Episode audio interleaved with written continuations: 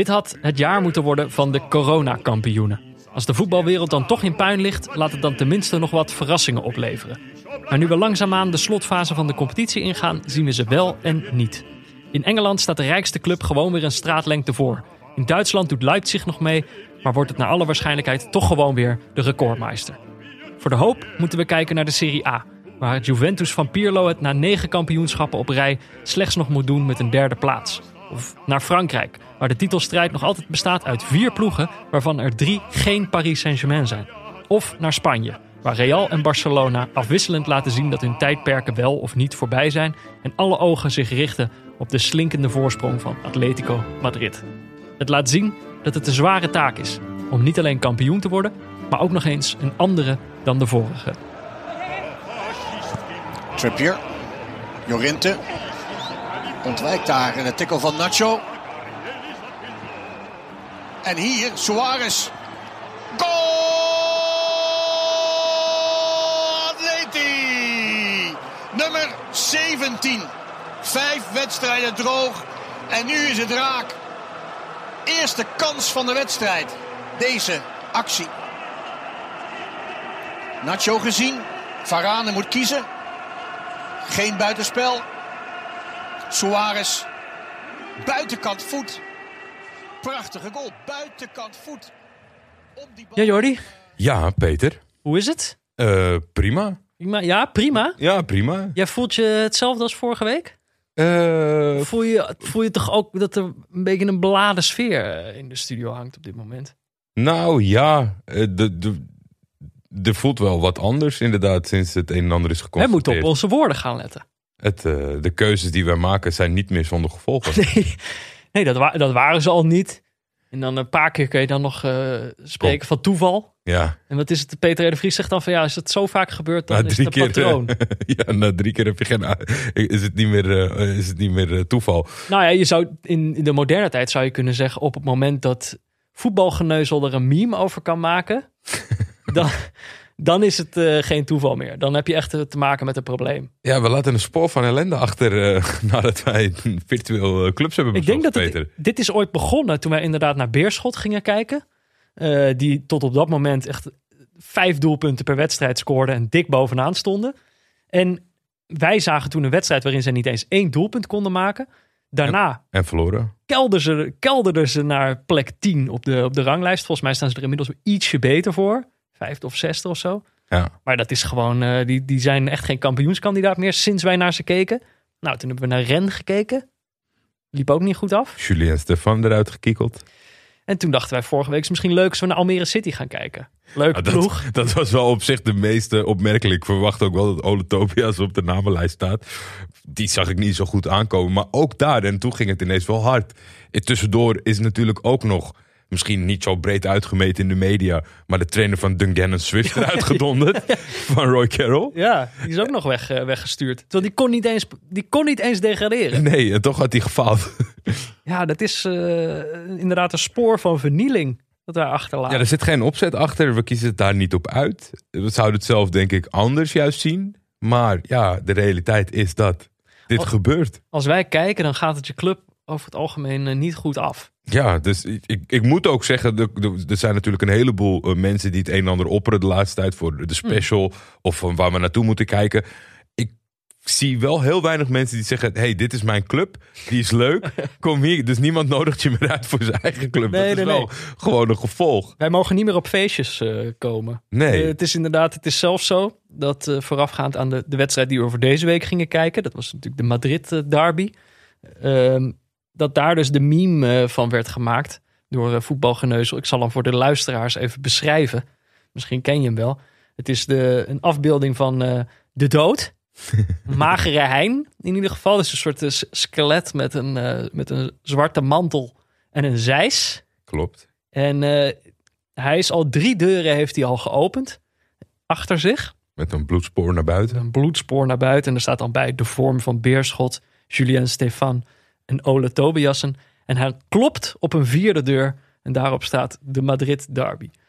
Nou ja. dus eh, als je luistert, je, er, gaan do er gaan dooien vallen vandaag. Op dit moment eh, eh, zitten ze beiden nog in het zadel. Maar ja, je weet nooit hoe lang dat duurt. Bij. Tobias ze gingen er ook een paar dagen overheen. Ja, precies. Wij, wij kunnen nu nog onschuldig opnemen en morgen kan Zidane op straat staan. Ja. Daar zullen we het zo over gaan hebben. We moeten eerst nog even een huishoudelijke mededeling Ja. doen. We moeten het een en ander toelichten. Want eh, ik begin zo langzamerhand op een helpdesk te lijken. en daar, dat, eh, dat, daar wil ik eh, vanaf blijven. Ik moet wel complimenten geven aan eh, eh, support at vriend van de show. Hmm. Want die uh, pakt wij zo duidelijk op, gezegd, toch? en- dat ze die moesten mailen en niet ons. Nee, oké, maar ik begrijp het ook wel. Wij zijn natuurlijk heel erg benaderbaar. De Mhm. een, een van ons twee iets meer dan de ander. Maar dat is, ja, dus... Nou, ik heb ook een paar DM's gekregen. ja? Ja. Nou ja, dan, dan, dan is, is het misschien wel een puinhoop en moeten we gewoon wat orde brengen. het zit namelijk zo, er gaan wat dingen langs elkaar heen. Wij vinden iedereen die ons steunt, Via vriendvandeshow.nl. ja, een vriend. Ja. Maar het platform denkt daar anders over. Ja, dan moet je toch onderscheid gaan maken tussen je vrienden. Kijk, dat willen wij niet doen. Maar het platform noopt ons dat te doen. Als je namelijk een vriend met benefits wil zijn, dat is dan toch wat anders. En die benefits is dan eigenlijk in dit geval de bonusafleveringen waarvan we er nu twee hebben opgenomen. Het is een beetje nog in de experimentele fase van ons. Beta. in de, in de beta. Ehm, maar de, er waren gelijk al wat mensen die wij dus als vrienden beschouwen, die erachter kwamen dat zij die afleveringen niet konden beluisteren. En dat komt dus door dat onderscheid tussen je kan, als je vriend van de show wordt, je kan gewoon een bedrag doneren naar keuze. Of je kan eh, een soort subscription nemen. En dan Ja. betaal je gelijk voor een heel jaar.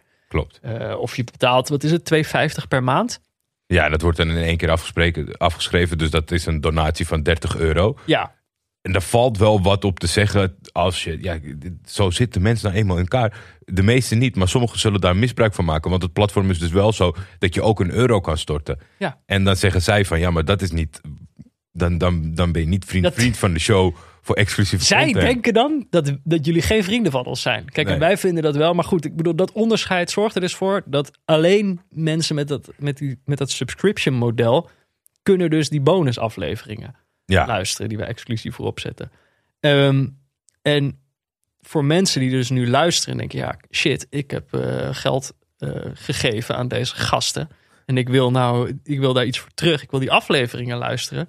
Eh, maar je hebt niet die abonnementservice. Daar hebben ze ook wat op bedacht bij Vriend van de Show. Nou, toch? Of wat is Ja, het antwoord op? speciaal voor ons hebben ze wel dat als je eenmalige donatie van het kaliber is, eh, als de, als de eh, support, als de, de subscription model, zeg maar, Ja. dan kan het wel. Maar dan stuur dan even een mailtje naar support@vriendvandeshow.nl. Ja. Dan regelen ze dat gewoon met jullie. Ja. Dat hebben ze al voor een heleboel mensen geregeld inmiddels. Maar dat is dus eh, het idee erachter. Ja. Eh, nou, dan, eh, dan hebben we dat als het goed is eh, nu geregeld. En anders zien wij, zien wij de DM-box. Nog meer DM's tegemoet. dan ga jij toch nog een week als helpdesk tegemoet. Eh, maar oké, dan moeten we denk ik gewoon maar over voetbal gaan hebben. Ja, nu al? Gaan er, gaan, ja, wil je nog iets? Mag nog iets anders absoluut niet. Nee, ga door. Ga door. want de vraag is natuurlijk, ja, gaan er, gaan er, wie gaat eraan vandaag? Wie is vandaag de Sjaak? Nou, we zullen het zien. We hebben gekeken. Eh, toch eigenlijk, we zijn een tijdje weg geweest. Nu zijn we weer terug in de top 5 competitie. Eh, we streken neer in Spanje. In Madrid, waar de stadsderby op het programma stond. Atletico tegen Real. Eh, ook in die volgorde. Want het was in een leeg Wanda Metropolitano. Het nieuwe stadion.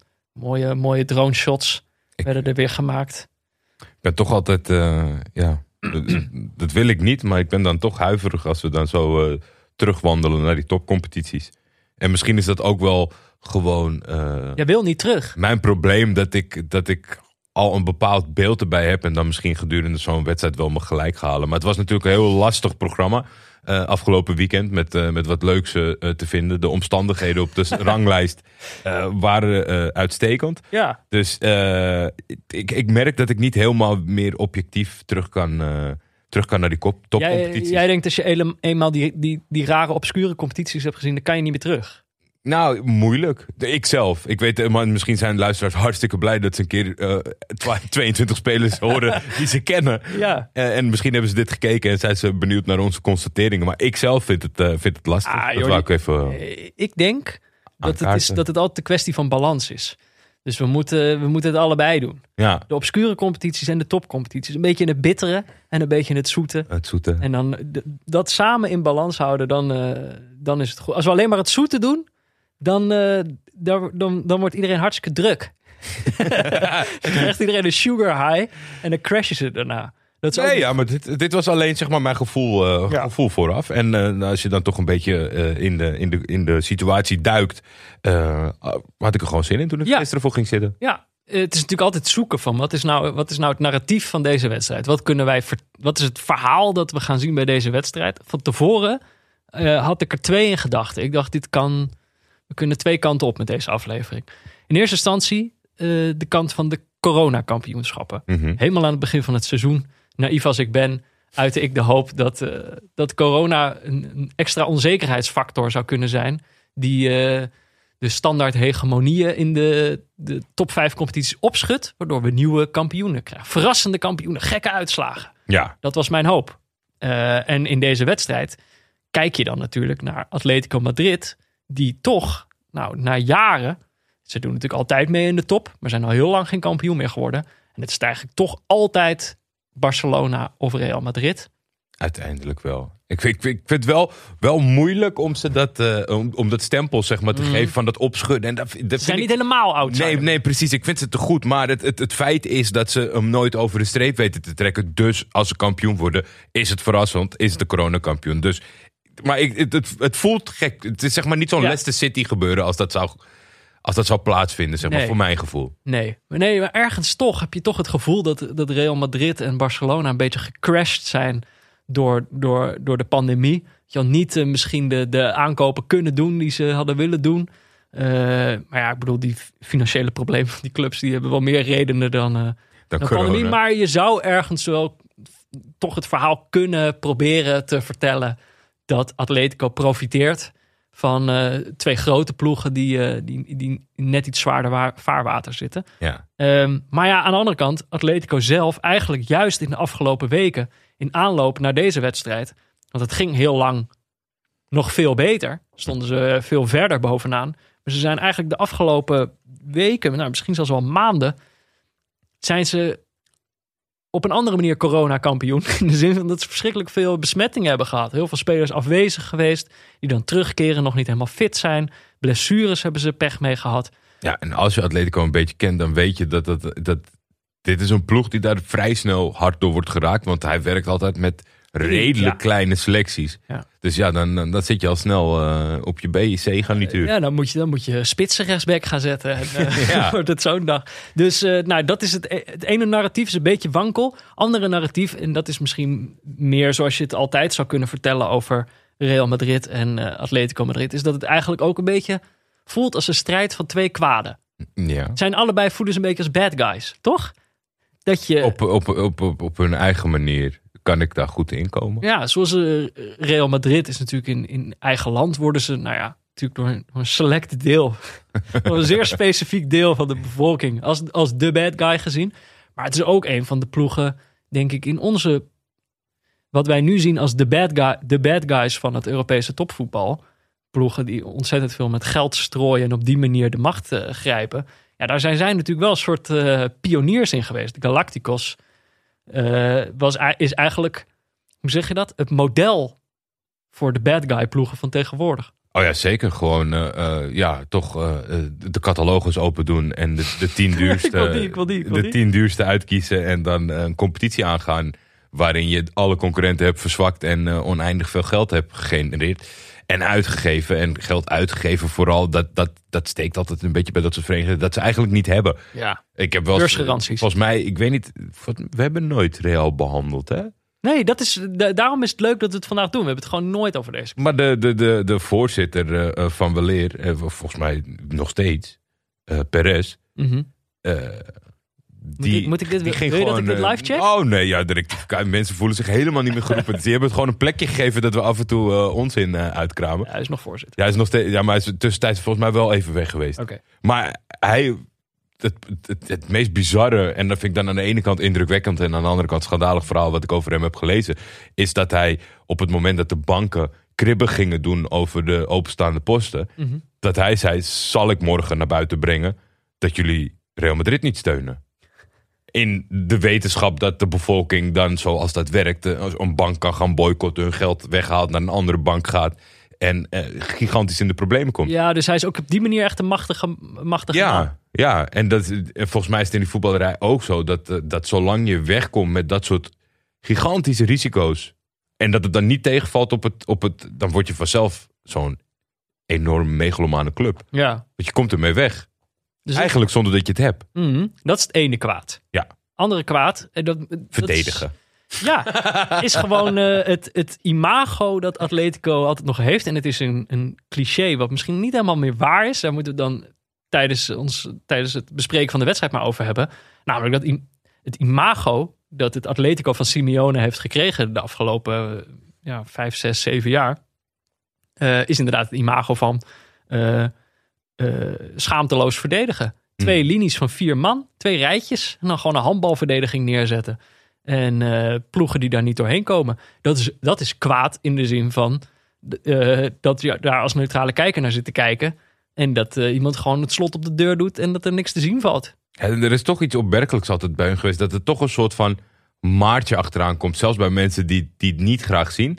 Wat bijvoorbeeld om Mourinho nooit is gelukt in de tijd dat hij eh, echt voor Park de Bus ging, zeg maar. Want daar was het altijd gewoon, daar was iedereen over eens. Dat is lelijk voetbal. Ja. Bij, bij Atletico hangt er toch altijd zo'n sausje over. Of dat nou dat heroïsche is. Of dat, dat, dat, dat drukken van hem langs de kant. de, de vechtlust van, van de spelers die hij kiest. Of dan toch net die paar talentvolle jongens die er tussendoor hobbelen. Die het toch aantrekkelijk maken. Ja. Hij danst altijd op een koordje. Hij heeft toch een klein beetje voor elkaar gekregen dat het anti-voetbal toch wel.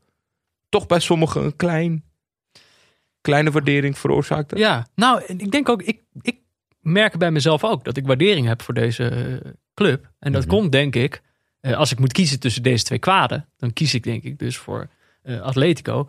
In de zin dat eigenlijk is het waar, waar ik toch ook wel van hou. Een, een club die wel gewoon een identiteit heeft gekozen. Of ja, een club, ik bedoel, Simeone is dat natuurlijk gewoon. Ja. Hij heeft dat neergezet en het, voetbal komt ook van hem. Ehm, dat je gewoon kan aanwijzen of iemand een Atletico-speler is of niet. Zeker. En eh, dat, is, dat geldt voor heel veel clubs eh, niet. Ja, kijk, Real Madrid misschien ook nog wel. Toch is het verhaal dat Ronaldinho niet naar Real Madrid mocht komen omdat hij niet knap genoeg was. Dus ik bedoel, daar, daar zou je misschien ook nog wel. eh, Ja, daar hebben ze de, de laatste jaren wel het een en ander losgelaten. Maar in het clichébeeld van Real Madrid denk ik wel dat het zo is. ja, Dat je die kan uittekenen. Ja, maar, Kijk hem. maar dat gaat dan niet per se nog om het voetbal. Terwijl dat is natuurlijk bij Atletico-spelers wel zo. Ja. Dat precies die strijdlust die jij noemt.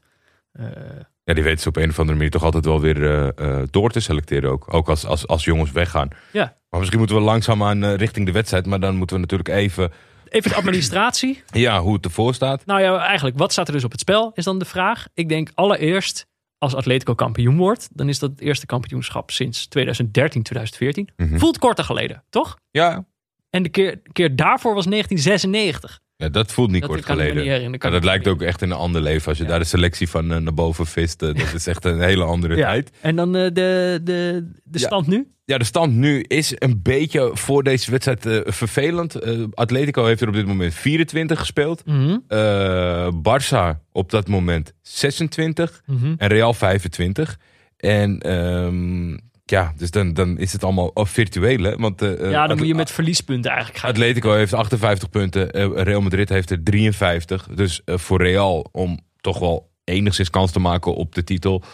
moet er vandaag niet verloren worden. Nee. Dat dat duidelijk zijn. Nou ja, de, de constatering is natuurlijk in dit soort competities...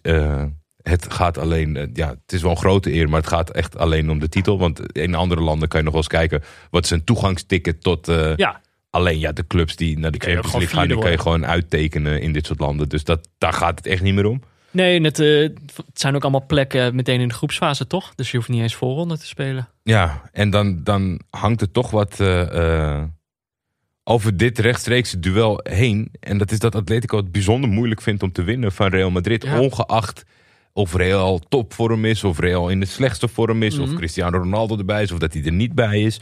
Eh, weet je, ja, het, het lijkt een kort geleden, maar als je ziet hoe vaak dat soort gasten tegen elkaar moeten spelen. 2016 was de laatste overwinning. Ja, En, en het, het is niet gelijk verdeeld eh, in, in zeg maar het huidige moderne tijdperk eh, van het voetbal. en toen was het wel, dat is wel grappig, dat, dat je dat erbij hebt gezet. Dat het ook toen een duel was tussen Zidane en Simeone. Tussendoor Ja, Zidane natuurlijk ook eventjes weg geweest. Bij, eh, ja dus qua Simeone is niet zo gek, maar eh Zidane Ja. is eh, weg geweest en teruggekomen.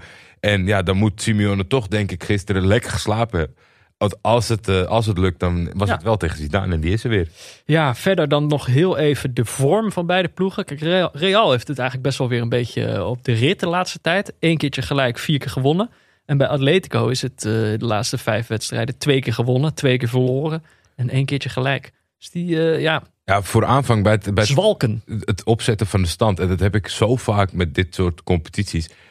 Voor mijn gevoel. Nou heeft Koeman een paar keer gewonnen. Maar is Barcelona bezig met een rampzalig seizoen. Ja, Real Madrid is het Real Madrid niet meer. Eh, die, die winnen nooit mooi voetbal. Hebben het zwaar in Europese wedstrijden. ja. En dan kijk je naar de stand. denk je, nou ja, het kunnen gewoon allebei nog kampioen worden. Ja. Er is gewoon weer niks aan de hand. Nee, Real is wel echt de laatste, zeker si- sinds het Zidane-tijdperk, zo'n dieseltje. Dat richting het eind van het seizoen, dat gaat Mhm. dan draaien na de winterstop als het in de Champions League ergens om gaat. En hoppakee, daar zijn ze weer. ja, precies. Bijzonder. En dan iedere eerste seizoen zelf toch weer het gesprek van... nou, ze- zijn het weer helemaal kwijt. Het, Ja. tijd, het tijdperk is weer voorbij. en dan blijkt het tijdperk nog altijd nog bezig. Nou, we- Eh, wiens tijdperk net begonnen is. ja, nou, Analist Dirk Kuyt. analist Dirk Kuyt. Daarmee begon eh, deze wedstrijd voor ons. Eh, ja, die, die zit daar dan in de studio. Hij heeft natuurlijk nog een verleden met iemand eh, op het veld. Dat, Luis Suarez. Dat is natuurlijk de nieuwe spits van, van Atletico sinds dit jaar. Ja. Veel besproken, weggegaan bij Barcelona. Dirk Kuyt ging er goed op letten. Hij ging ook op de, naar de wedstrijd kijken, maar ging extra, Extra op, op eh, eh, Suarez. Ja, dat is toch een prettig idee. Dat je, eh, hoe dan ook, dat iemand daar wel op let. Ja. Want eh, anders dan eh, ja, ontgaat het je allemaal wat, wat Suarez Ik, was, eh, ik, ik keek uit eh, naar, vooral naar de rust en na de wedstrijd eh, wat, eh, wat dan opgevallen zou zijn. Maar ik, ik moet wel ik moet even een kant tekenen. We zijn hier niet vaak kritisch over, over, over media aankleding en dat soort dingen. Maar Ja, ik vind bij best wel Ziggo... vaak kritisch, maar... Ja, ik, maar ik vind niet echt dat we het vaak behandelen, zeg maar. Dat, dat ik, maar ik vind het contrast zo groot bij Ziggo altijd. Heb je dat niet? Tussen wat?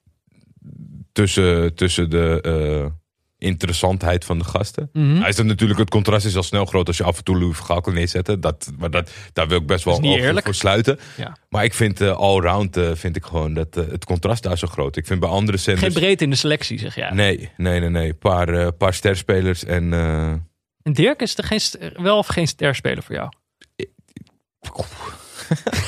Ja, ik, vind- ik vind het zo lastig. Die man is net, nee, maar die net, die is net begonnen. Ja. natuurlijk heb ik een, ik heb een bepaalde mening en gevoel bij de speler Dirk Kuyt. Maar de analist Dirk Kuyt ken ik nog niet. Mhm. En in al die tijd eh, dat ik een beetje over voetbal mag praten, ben ik wel veranderd en volwassener geworden. Dus Mhm. ik ga hier niet eh, ongefundeerd eh, eh, dat Dus ik, we zien het wel de aankomende periode. Het is nog onwennig. ik vond hem heel. Het laatst stond hij met zijn rug naar de, naar de mensen toe. Precies, dat was hier ook een beetje het geval. Staat hij bij zo'n heel groot scherm wat dingen uit te leggen. Dan staat hij gewoon bijna met zijn rug naar de camera toe.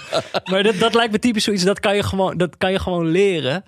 Ja, Eh, en, en voor de rest, ja. Ik denk als Wietse er zit, dat hij dan misschien wel naar hem toefluistert. En Bas Verveen dat doet dat niet. Ook even naar de klas eh, kijken, Dirk. Dat is het gevoel toch een beetje? De spreekbeurt. Spannende spreekbeurt. En dat, eh, dat leer je op een gegeven moment ook wel af. Dan ga, leer je gewoon goed de spreekbeurt te houden.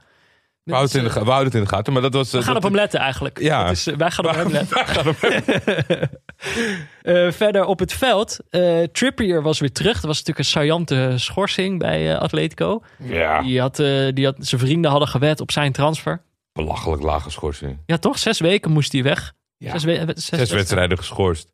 Terwijl zijn vrienden allemaal stinkend rijk zijn geworden door ja, fraude eigenlijk. Ja, dat is toch, nou ja, het moet toch deuren openen voor sommigen die zeggen... nou, weet je wat, ik ga lekker zes weken kracht Ja, omzetten. ik gun mijn vrienden ook wel een paar ton. Ja, toch? Ja, heel raar. Kan je wel, eh, kan je wel leiden. Ja, Atletico kon het dus niet leiden. Die moesten opeens allemaal middenvelders rechts wegzetten. Dat was minder leuk. Nee. Maar die was dus weer terug.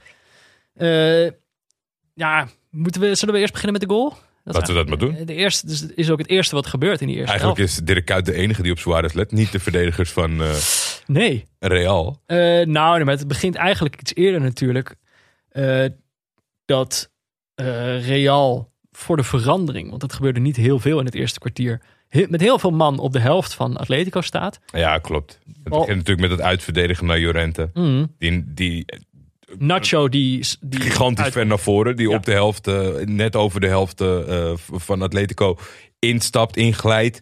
Eh Jorente is hem te slim af. En kan dan eigenlijk vrij dribbelen. En dan eh, moeten de resterende eh, centrale verdediger en de back een keuze gaan maken met Suarez bij ze in de buurt. Ja, nou ja, en eh, laat dat maar aan Suarez over om dan het juiste moment te kiezen. Ja, maar om niet buitenspel te staan en Dat- om hem dan ook nog eens binnen te schieten. god ook wel voor de assist. Want dat zie je toch wel als je op een lager niveau kijkt. Als je bijvoorbeeld op de Eredivisie kijkt. Dan kan je ook zo in deze situatie terechtkomen. Dan geef je net een te harde bal. Ja. Net een te zachte bal. Ja. Of net te laat dat hij toch buitenspel staat. En ja, dat, dat, was een perfecte bal van Jorente. En een, en een prachtige afwerking van Suarez. En ja, het is natuurlijk eh, opmerkelijk dat hij weg moest bij Barcelona. Men vond hem ook een beetje niet meer zo fit. Een beetje niet meer zo snel. Het kon allemaal niet meer. Klopt volgens mij ook allemaal wel. Ja, Maar ja, er zat nog wel een jaartje in als je dit zo zi- ziet. Gewoon in de beslissende wedstrijd. Want even, toch voor de mensen die dit niet gezien hebben. Heel veel mensen hebben dit denk ik voorbij zien komen. Maar dat hij een buitenkantje rechts krult hij hem om eh, Courtois heen eigenlijk. ja. Ja, gewoon echt een eh, schitterende goal. Zijn 16e of 17e doelpunt dit seizoen om het andere punt zeg maar, te maken. En Barcelona eh, moet af en toe Braithwaite laten invallen. ja, dan klopt er weer het een en ander niet aan je beslissingsmanagement. Nee, maar het, eh, het paste allemaal precies deze Ja. goal. En het was, het was het eerste echte grote moment van deze wedstrijd. Het was dus meteen raak na een kwartier. Meteen na die goal. Maar maakte Michael, ik, Michael B. eh, nam eh, de regie Ja, over. Ik maakte kennis met een, met een nieuw fenomeen. Mensen die volgens mij eh, vaker La Liga kijken, hebben dit al gezien.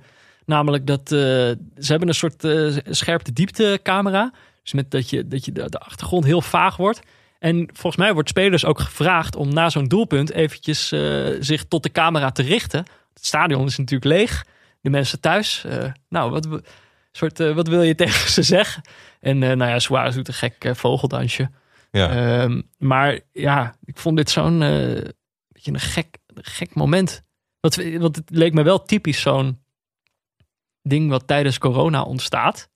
Om dus de, de player cam of zo, weet je wel, van na de goal moet je even naar de camera. Om toch nog een soort interactie met het, eh, met het publiek eh, te kunnen. ja, ja. Kan ook gewoon een snelle gelikte jongen zijn eh, zonder pandemie die, die dit verzint. Dat, dat, dat- Ja. soms, soms heb je zo'n probeersel.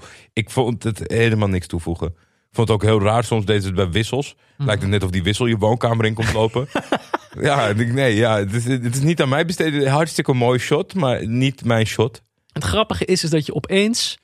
Dit, dit, dit is zoiets wat in een eh, Nike-reclame zit. Of in een film over voetbal. Snap je? Ja. Dus dat je opeens, puur door hoe het in beeld wordt gebracht, je voor je gevoel naar iets heel anders zit te kijken. Ja, ik vind de vergelijking met film natuurlijk wel mooi, omdat het altijd lastig is om dat goed in beeld te brengen, omdat mensen niet gewoon een wedstrijdverslag willen doen. Ja, En dan dus toch op een soort van manier dichter bij de mensen proberen te komen. En dat voelt dan al gelijk nep. ja. Dus ja, nee. Het, Heel raar moment. ja, maar het is nog een paar keer in de wedstrijd teruggekomen. Vind je het een toegevoegde waarde? Nee, toch? Of wel? Nee, maar ik, ik, ik, op een of andere manier heb ik het idee dat ik naar de toekomst zat te kijken. In de zin van, dit gaat gewoon eh, vaker gebeuren. En ze gaan dit verder uitbreiden. Ze gaan, zeg maar... Je hebt nu bijvoorbeeld op, op social media... Als er dan gescoord wordt, komt altijd een gifje van de speler. Weet je wel, van de club. Ja. Dan mogen ze niet het doelpunt eh, erop zetten, maar wel het, een gifje van de speler die eh, juicht of iets geks doet. Of, ze gaan natuurlijk met het branden van die speler, gaan ze denk ik nog wel een stap verder. Binnen nu en tien jaar, waarin je na de goal, weet je wel, de speler neemt zijn standaard eh, pose aan voor de camera. En daar gebeurt om, iets omheen. Ze gaan daar een soort gifjesachtige beelden gaan ze er omheen maken. Dat experiment gaat gewoon een keer plaatsvinden tijdens, eh, tijdens een, een, een groot toernooi. Mag voor mij nog wel even duren. Ja, toch? Voordat Maar ja, het plaatsvindt. ik, zeg, ik zeg ook niet dat ik dat wil. Nou ja, ik misschien, had het gevoel eh, dat, dat, dat ik daarnaar zat te kijken. ja, misschien is dat wel heel goed. Dat het een blik in de toekomst was. En, ja, het zag er niet goed uit. Nee. Jordi vond het niet leuk wat hij zag. Ehm, nu komen we denk ik bij het Atletico-cliché. Mhm. Want ik zei net al, Real Madrid kwam niet zo heel vaak met z'n allen op de, op de helft van eh, Atletico Madrid. En dat kwam dat Atletico in die eerste helft eh, gewoon ontzettend hoge druk zet. Ja. En het cliché, ik bedoel, FC Groningen hoeft maar vijf spelers op te stellen. En ze worden meteen buisletico genoemd. Dus bij iedereen zit dat cliché zit er ramvast in. Je gaat met veel mensen verdedigen, Atletico. Uh, terwijl dat klopte helemaal niet tijdens deze wedstrijd. Nou ja, tijdens, de, tijdens deze wedstrijd niet. Alleen vind ik altijd dat, uh, uh, zeg maar, met het tegenconstateren. Ja, hold your horses. Zo'n reputatie, zo'n cliché komt niet uit de lucht vallen. Hè? Soms reageren we overtrokken of dikken we iets aan. Maar dat zij heel solide en met veel verdedigen, dat is geen leugen. Nee. Nu hebben wij gisteren... Dat, was dat, die, dat ze zo touwtjes onderling hadden om, zeg maar, als linie... Op de, de training bedoel ik, hè? De Tijdens de wedstrijd. maar dat, ze inderdaad af, dat ze dat ook trainden. Ik denk op een gegeven moment dat ze het zo goed beheersten... dat het ook in de wedstrijd had gekund, hoor. Met die touwtjes tussen hun middel. Maar die afstanden, die waren gewoon afgesproken. En daar hield iedereen zich aan. Dus dan, als we zo'n wedstrijd als gisteren zien. En ik heb dan het idee dat juist, weet je, mensen die niet heel vaak inschakelen. En daar moet, moet ik ook gewoon eerlijk in zijn. Ik heb ze dit jaar misschien twee wedstrijden zien voetballen. Mhm. Dan heb ik niet zoiets van. Oh, maar dat is helemaal niet waar, joh. Super aanvallende ploeg, zet hoog druk. Gisteren hebben we dat gezien. Ja, oké. Dus dan moeten we... Dat, misschien is er een verandering. Misschien is het gewoon een plan richting Real Madrid. Wat ik eerlijk gezegd denk. Ja maar ik merk altijd dat mensen dan heel snel. Oh, dat, is helemaal niet waar. Of, dat, dat, merkte ik gisteren ook een beetje met de constatering. Dat een cliché automatisch ook verzet uh, ja, oproept op een gegeven moment. Ja, en dat, je, dat het niet zo zijn nadat het één keer anders is in de, dat je een keer kijkt. Ja, ja, ja. Het is uiteindelijk, denk ik, als een cliché maar vaak genoeg wordt herhaald, dan ga je ook vanzelf mensen krijgen die dan zeggen dat het niet klopt. Ja. Toch? Of, of ja, ongeacht de realiteit. Maar in deze wedstrijd denk ik dat het klopt wat jij zegt dat het een plan was tegen Real Madrid. Dat werkte ook als een tierenlier. Die kwamen er niet echt aan te pas uh, in de eerste helft. Eén momentje eigenlijk, momentje het dichtst bij, uh, bij de goal, is uit een corner. Ja. Dat de verdediger Felipe van uh, Atletico een bal mist met zijn hoofd. En die bal die glijdt dus gewoon door. En die komt uiteindelijk op zijn arm. Die gewoon eigenlijk naast zijn lichaam hangt. Wat de regel is, ik heb echt geen flauw idee op dit moment. Er is iedere week weer discussie. Maar de VAR kijkt er twee minuten lang naar en uh, die geeft hem niet. En dan denk ik, ja, dat is terecht. Maar of het volgens de regels is, dat weet ik niet. Ik heb de laatste weken uh, veel uh, gelezen dat aanvallend hands... Die, we moeten aanvallend hands hebben, die is duidelijk. Want aanvallend hands is alles hands, zeg maar. Ja. En verdedigend zijn we er nog niet helemaal over uit. En okay. dat, dat zal nog heel lang zo duren. Nee, jij schreef terecht wat, wat later in de rust werd gezegd door Jan van Halst. En daar kon ik me wel, uh, kon ik me wel in vinden. Ja, ik, ja, ik kon me er ook in vinden, maar ik vond het ook, zeg maar, het is geen leidraad voor een scheidsrechter. Nee. Jan, van Halst zei, als je van voetbal houdt, moet je hem niet geven. Dat zo'n scheidsrechter op dat moment denkt, nou, ik hou toch wel echt van voetbal. Misschien niet doen. Al die denk, spelers om hem heen. Hou jij van voetbal? Hou jij van voetbal? je houdt toch van voetbal? Nee, ja, nee oké, okay, maar ik vind het is niet, het is niet aan ons. Laat, laat ze allemaal ja. hun, hun, hun, ja, bende aan regels een keer helder maken. Want dit, dit gaat hem gewoon niet worden, Peter. Dit, gaat, dit, dit, dit is onmogelijk. Want... Ik vond het zo raar dat er zo lang naar gekeken moest worden. Want wat is de twijfel dan precies? Want je ziet al meteen dat dit volledig per ongeluk is. Ja, of de VAR ook van voetbal houdt. Ja, dat vroeg hij zich nog af. Daar was hij nog niet helemaal over uit. Maar ja, dat, dat, het probleem, probleem is natuurlijk gewoon de regel. Maak, maak een goede, duidelijke regel. Ja. En, uh, dan, dan komen we er wel. Nou ja, dan wordt het vlak voor rust. Of nee, eigenlijk, het is rust. Ze moeten de catacombe in. Eigenlijk net het moment dat Lucas Vasquez en Luis Suarez elkaar in de haren lijken te gaan vliegen, schakelt de regisseur weg. Ja. Dus wat daar gebeurd is, geen idee. Heel jammer genoeg, zo'n, volgens mij betreft het zo'n internationale feed. En dan, weet je, bij uh, uh, ESPN zouden ze nog kunnen zeggen... Ja. hé hey jongens, er is wat aan de hand terug. Maar dat, dat kan niet, want... Siert de Vos kan roepen wat hij wil. ja, want dan zit hij gewoon in die bezemkast. Dus La Liga ze... gaat niet terugschakelen. nee, dus dat, dat was zonde. Maar aan de andere kant, ja, weet je, het is ook gewoon... Het is toch wel fijn dat, dat je zo'n boefje kan zijn... waar iedereen het dan altijd maar oké okay van vindt. Want ja, het is toch zwaar. Het gaat toch altijd elke wedstrijd toch eventjes rommelen, vechten. Ja. Even een beetje... Dat is ook waarom het leuk is om op hem te letten. Ja. gaan, wij heel, gaan wij ook heel even naar de rust.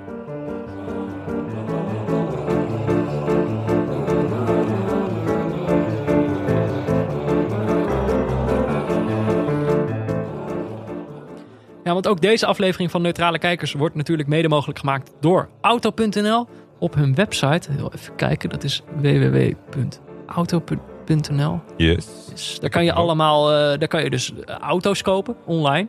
Eh, en zij garanderen nooit meer een miskoop. Daar zouden een boel mensen best weer in het voetbal.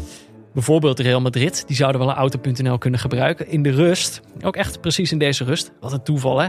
Tweet Sam Planting, vriend van de show. Die tweet tijdens deze lusteloze pot weer eens tijd voor de reminder dat Real 239 miljoen aan transfersommen en jaarlijks 45 miljoen aan salaris heeft betaald voor Hazard, Isco, Vinicius, Rodrigo en Asensio.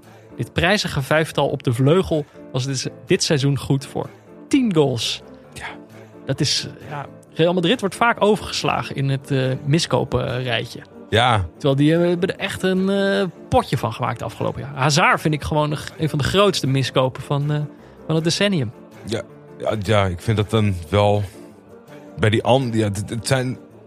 Hazard zou je toch zeggen dat dat de minst grote gok is. Zeg maar iemand die eh, eh, een paar seizoenen eh, eh, top voetbal laat zien.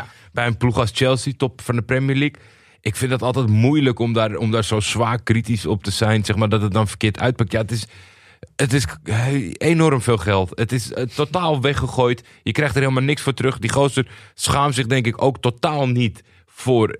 Ja, het lijkt mij toch halfbakken werk wat hij levert. Want volgens mij is er niet dusdanig medisch iets aan de hand, zeg maar, dat, dat hij er zelf niet zoveel aan kan doen dat het niet uit de verf komt. Ja, en die anderen, ja, dat zijn toch jeugdige spelers. En, en als, je, als zijn de Real Madrid Mhm. op de deur klopt in Brazilië, ja, dan gaat toch iemand snel daar nog even snel nul achter verzinnen. dus ja, die Vinicius en Rodrigo, ja, dat, dat, dat, dat, Ja. dat, is, nou, eh, dat is nou eenmaal Nou zo. ja, ja. eh, miskoopjes. Real Madrid eh, miskoopclub. Verder hadden we het vorige week over eh Yaya Sanogo. Ik zei floppy. Floppy en... Ik heb dit eh, weekend een penalty gezien die mijn floppy bevestigde. Ja, Hij krijgt, hij wel- mocht er eentje nemen. Ja, Peter, het wordt hem gegund omdat hij dan bij zijn nieuwe club zit. Dat zie je veel spitsen. Dat Mhm. mag het penalty nemen. Hij schuift hem zo naast. Niet eens tussen de palen. Als je dan nog gewoon mist, denk ik nog tot daar aan toe. Maar hij is gewoon zo technisch onbekwaam. Hij schuift hem gewoon naast. Ik zat het iemand, iemand had, het, had de herhaling geëdit en als gifje gemaakt dat die bal ineens toch naar binnen ging. Ja, Zij- ik heb volgens mij alleen... Ik zag eerst die. Toen dacht ik, hé, wat, wat is dit? ik zie het niet, dacht ik. Ik wist niet goed wat ik zag, maar... De, ja, verschrikkelijk. Sanogo gaat de Huddersfield niet redden, denk ik. Nee, dat is geen, eh, geen voortvarend begin. Eh, een andere dan. Ja, Iemand die wel een voortvarend begin heeft gehad. absoluut. Quincy Promes. Natuurlijk eh, lang geduurd tot de deal daadwerkelijk gesloten is. is heel lang. Eh, maar hij heeft nu daadwerkelijk eh, gespeeld bij Spartak. Begon in de basis tegen Krasnodar. Ja, eh, de ploeg van eh Tony, Tony Vilena. En dat ging niet onverdienstelijk. 6-1. Een doelpunt en een assist van, van Promes. Ja. Ik zeg Toppie of floppy? toppie begin. Ook wel een lastige situatie natuurlijk om, om, om wat anders te zeggen. Maar nee, ja, soms kan dat hè. Zo'n jongen die bij zo'n land gedijt. Dat is heel raar. Ja. Maar het is toch... Het is toch Zo'n grappige match. nee, maar wij hebben Je had dat kunnen denken. wij, in, die, in die arena zit je elke keer te kijken met z'n allen in Nederland. Die gozer komt geen lantaarnpaal voorbij. Ja. En je zet hem terug in Moskou. En hij is het doelpunt assist alweer binnen in zijn tweede wedstrijd. Ik, ik snap daar helemaal niks van. Maar eh, ja. Andere eh, lantaarnpalen in, eh, in Rusland waarschijnlijk. ja, dat denk ik ook. nou, mocht je nou wel een, een auto hebben waarvan je zeker weet dat die een lantaarnpaal voorbij komt. dat is toch een goede eigenschap voor een auto. Absoluut. Denk ik, dan moet je gewoon sowieso op auto.nl zijn. En dat is www.auto.nl. En als je daar dan slash neutrale kijkers achter zet, dan weten ze dat je via ons komt. En dat je een goeie bent. En dat je lantaarnpaal wil passeren. Ja.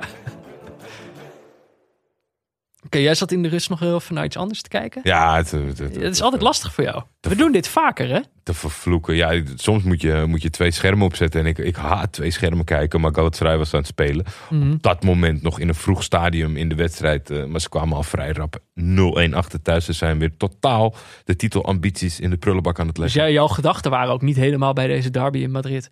Nou, je ja, hebt analist wel. Dirk helemaal niet zitten kijken in de rust. Jawel, jawel. Want het geluid stond... Ik had het eh, geluidloos in mijn in mijn ooghoek. Maar ja, ik kan dan toch niet... eh, als hij dan achter Moeslera ligt, dan kijk ik toch even op. Maar Gala timede het goed, toch? Precies in de rust. Ja, eh, toen, toen dat, dat bedoelde ik juist. Dat ik, ik hing aan de lippen van eh, Kuit van Halst en Veenendaal. Ja. Want toen zij klaar waren met spreken en dat ze eruit gingen naar de rust, toen eh, maakte Falcao de 1-1. Ja, Dus dat was perfect getimed. ik hou ook nog een uh, Atletico verleden, hè? Zeker. Ook niet vergeten. Maar goed, laten we het dan weer over deze wedstrijd gaan hebben. Ehm, moeten we het eh, uiteindelijk... Mag er toch iemand warm lopen? Een van de grote afwezigen tijdens Ja. deze wedstrijd. Ik had, Ah. dat, ik had dat in het begin van de wedstrijd al opgeschreven. Want ik dacht eerst, het zal wel, weet je, geblesseerd of iets zijn. Of, of, of... Nou, João Felix stond namelijk niet in de basis. Nee. Ehm, Dan denk ik, bij zo'n speler, als hij niet in de basis staat, zal er iets zijn dat hij niet bij de selectie zit. hij, heeft, hij, heeft, hij was een van die spelers die corona heeft gehad. Mhm. Eh, volgens mij ook nog niet helemaal eh, hersteld. Dat weet je in ieder geval niet, nooit zeker. Maar ja, aan de andere kant, het is natuurlijk gek dat je zo'n jongen op de bank zet. Toch? Ja. Eigenlijk. Of dat verrast. Want dit is ook een speler voor wie meer dan 100 miljoen is betaald. Ja, nee, ik, ik, ik snap niet zo goed, zeg maar. eh, soms wordt er wel eens gezegd dat een trainer niet te veel invloed zou moeten hebben op het transferbeleid. Maar aan de andere kant, in sommige uitzonderlijke situaties vergroeit een trainer bijna met een club. Dus is het heel gek dat als hij niet mee bepaalt. Ja. Dus een club als Atletico eh, doet het over het algemeen goed, betaalt hoge salarissen, maar niet te veel hoge transfersommen. En probeert nog wel eens iemand te verkopen aan bijvoorbeeld een Barcelona of een Real, die dan toch denkt, die moeten we hebben. En zo cashen ze. Arda Turan. Ja, bijvoorbeeld Griezmann. Maar als je dan ehm, met, met, met die financiële situatie ervoor kiest om iemand die zo weinig wedstrijden heeft gespeeld, voor zo'n bedrag aan te trekken, wat echt groot gevolg is voor de club. En jij blijft daar nog steeds trainer en je wil dat trainer blijven. En dan kom je erachter dat het misschien Hij wil hem, hij moet hem niet. nou ja, dat idee heb ik een beetje. Dat hij, dat hij te veel. En dan denk ik van ja, misschien iets te veel mooi weervoetballer is ten opzichte van het leger wat hij heeft gecreëerd. Maar dan denk ik, ja, dat, dat zie je toch ook wel af aan het eerste seizoentje bij Benfica. Waarom neem je zo'n gigantische gok? Ja. ja, dat is gek. Dat je inderdaad niet helemaal... Ik heb niet uitgezocht hoe die deal precies gesloten is. Want je kan je niet voorstellen dat hij, dat hij heeft gezegd... eh, doe maar. Precies. Want als je het dan doet, wa- waarom geef je de hoop in die jongen dan zo snel op? Nou ja, dat is, dat is natuurlijk eh, wat we eerder hebben besproken. Het kan wel, hè, dat je zegt doe maar. En dan toch zo draait. Want dat is natuurlijk ook wat er is gebeurd met Van der Beek. Ja, Daar is een heel, daar is gaan zitten. En nou ja, jongen, op het middenveld bij ons kan je wel prima roleren met die anderen. Mhm. Haal hem maar. En dan komt zo'n gozer en dan ja, zit maar lekker op de bank. Zien het wel of ik een paar minuten mag maar. Felix heeft natuurlijk een, een moeizaam eerste seizoen gehad. Nu gaat het wel iets beter. Ook zijn statistieken zijn gedraaid. Misschien was het nu een beetje dat je zegt nog niet helemaal fit. Maar het, dat je niet die gozer omarmt en op, Ja. op een soort van... eh, eh, juist naar voren duwt als zijnde van dit is hem jongens. Mhm. Dat snap ik niet zo goed in combinatie met deze transactie. nee. En, maar het is uiteindelijk wel, kijk, je, wij veren dan toch op als hij aan het warmlopen is. Ja. Dat hadden we wel nodig op dit moment in de wedstrijd. Ja, want het de tweede helft- Moeizaam. Tweede helft, kijk, eerste helft was Atletico nog wel de, ploeg die er eh, natuurlijk een wedstrijd van maakte. Maar dat was de tweede helft eigenlijk wel voorbij. Mhm. Maar grote kansen aan het begin van de helft. Daarna, ja, ik had het gevoel dat zij dus wel steeds meer gingen terugzakken. En of dat het een plan was, geen idee. Maar daarmee gaven ze Real helemaal de kans om toch steeds stukje bij beetje terug in die wedstrijd eh, te komen. Ehm, Ja, en dat gebeurt dan niet met al te veel eh, overtuiging, was mijn constatering. En dat Nee. hebben we het misschien wel, of tenminste, het heeft vaker het was plaats. niet alsof Real uit de rust kwam van nu gaan we ze grijpen. We hebben het plan een beetje aangepast. We zijn gemotiveerd door Zidane om nu uit de startblokken te vliegen tegen een van de grote rivalen. Ja, en ik, ik, snap het, ik snap het niet. We hebben natuurlijk eh, de ultieme deceptie gehad eh, in de Zweedse degradatiekraker.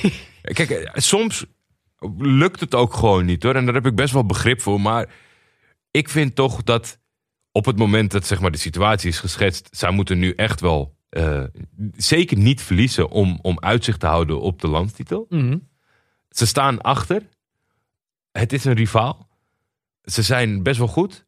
Dan moeten wij toch minimaal, ongeacht hoe het uitpakt, thuis op de bank het idee hebben dat, dat zij ergens voor gaan. Dat ze ergens. Dat ze hun best doen. Nou ja, precies. Ja. Dat gebeurt gewoon niet. En ik snap dat niet. Als ik naar zoiets zit te kijken. Dat is uiteindelijk, denk ik, als neutrale kijker ook de grootste, hoe zeg je dat? Afknapper. Ja, Als je gewoon een ploeg ziet die, het- die het niet boeit. Dan nee. denk ja, maar. En wij dan? moeten wij, moet het ons dan wel boeien? Kijk, want een fan, die, die boeit het altijd wel eigenlijk. Die Mhm. heb je sowieso. Een neutrale kijker, dat, is- die verlies je op dat moment.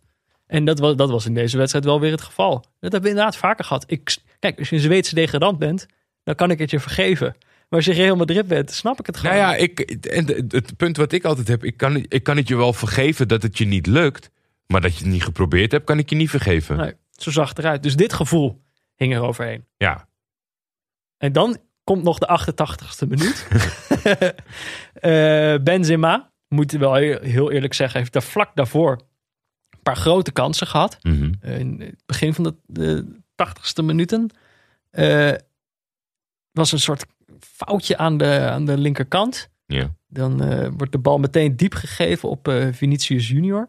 Die dan met buitenkant rechts voorzetje geeft. Ik heb dan het gevoel, die voorzet wordt alleen maar buitenkantje rechts gegeven. Omdat eerder in die wedstrijd Suarez buitenkantje rechts heeft gescoord. Zoiets vestigt zich in je hoofd. Toch? Soms is het zo, één iemand doet het trucje. En dat zit dan in iedereen's hoofd. ja, dat Die zou gaan, kunnen. gaat iedereen dat trucje doen. Dat gebeurt later namelijk nog een keer. Maar laten we het eerst hebben over de goal van Benzema in de 88ste minuut.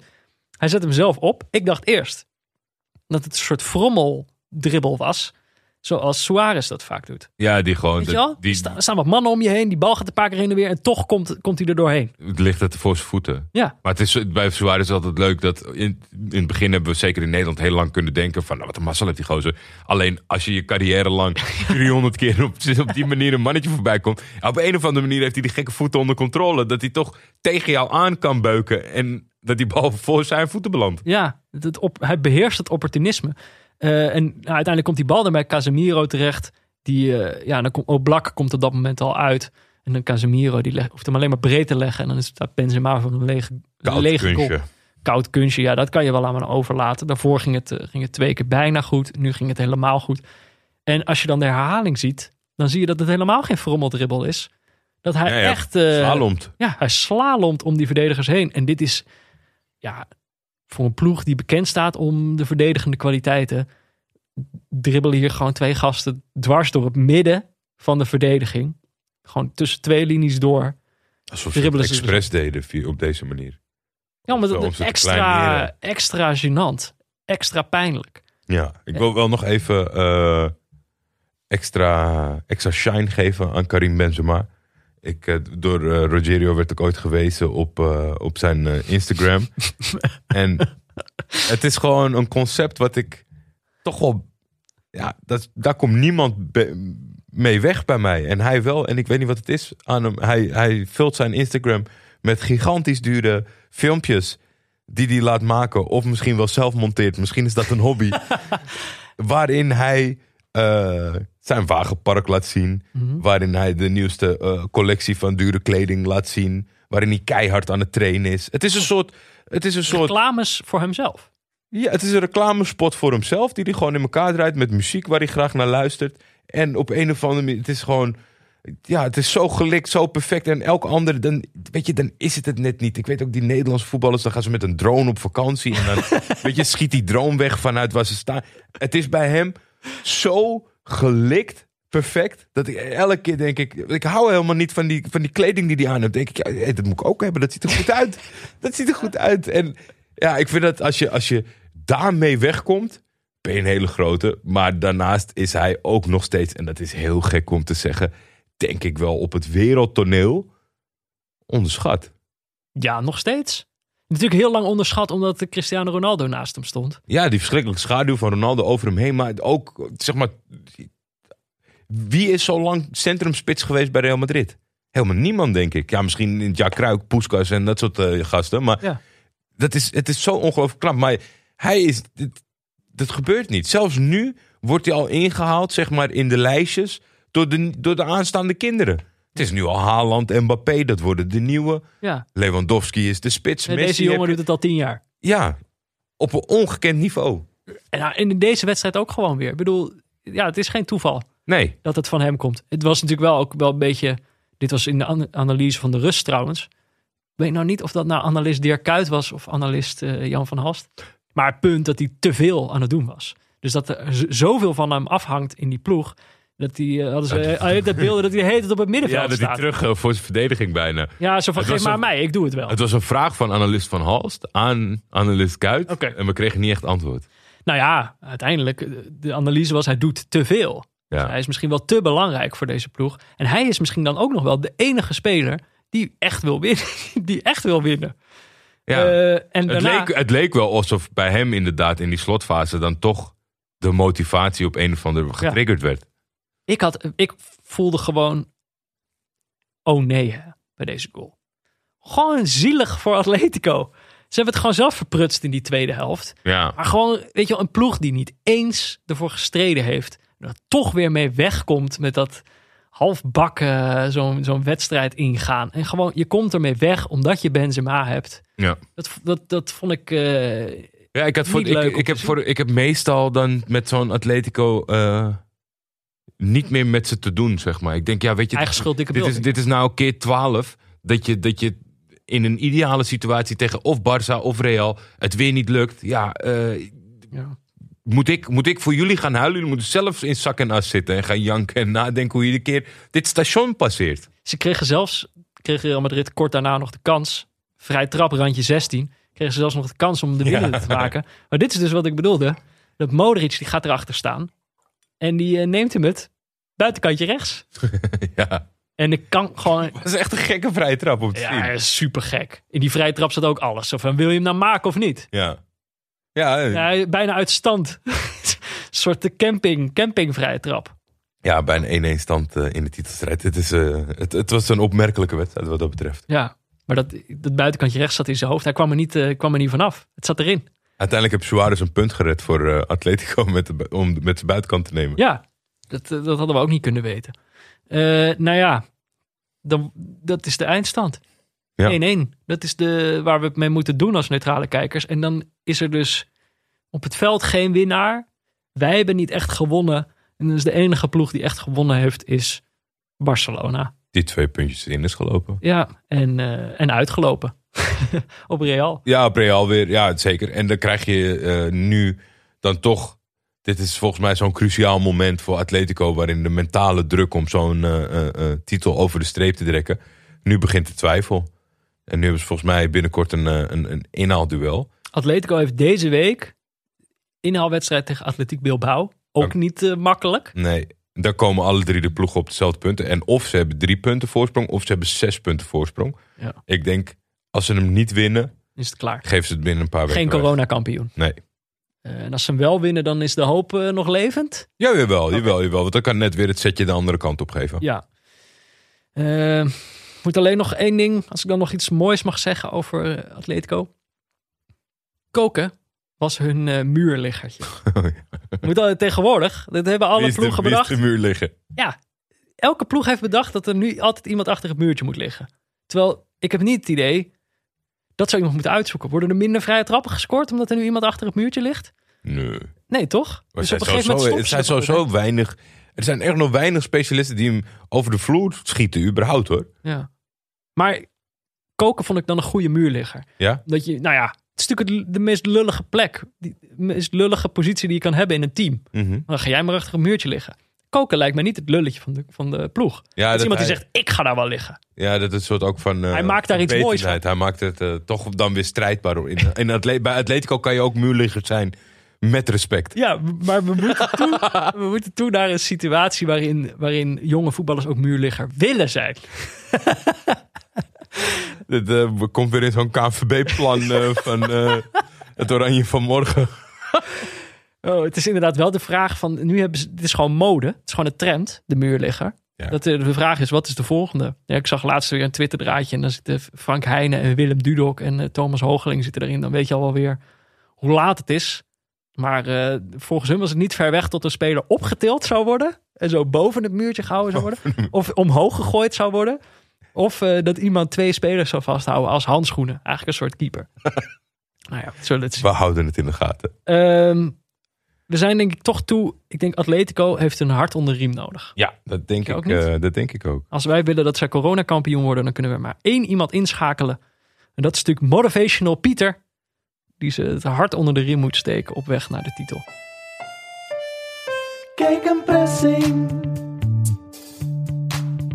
Kijk een pressing. Het lastigste wat er is, is jezelf opnieuw uitvinden. Hoe meer succes, hoe meer bevestiging van je methode. Hoe beter de clubs de spelers die je mag trainen en hoe meer succes. Tot je op een dag wordt ingehaald, zoals Diego Simeone vorig jaar overkwam. Zijn heilig verklaarde 4-4-2 werd in de Champions League overhoop gespeeld door het RB Leipzig voor Julian Nagelsman. Niemand had de Simeone kwalijk genomen wanneer hij dat gezien had als incident. En Atletico weer lekker had laten verdedigen vanuit 4-4-2 uit de zone. Maar zo denkt Simeone niet. Bij drukmomenten staat Atletico nog in zijn vertrouwde 4-4-2. Defensief wordt dat een 5-3-2. In balbezit speelt hij de 3-4-2-1 van Nagelsman. Oude soldaat Diego Costa paste niet in het plan en werd genadeloos aan de kant geschoven. Dat tekent Simeone. Toen het helemaal fout dreigde te gaan, wees hij niet naar externe factoren, maar ging bij zichzelf te raden en vernieuwde zijn werkwijze. Dat is zeldzaam. En een kampioenschap zou een beloning zijn voor die blik in de spiegel. Kijk een pressing.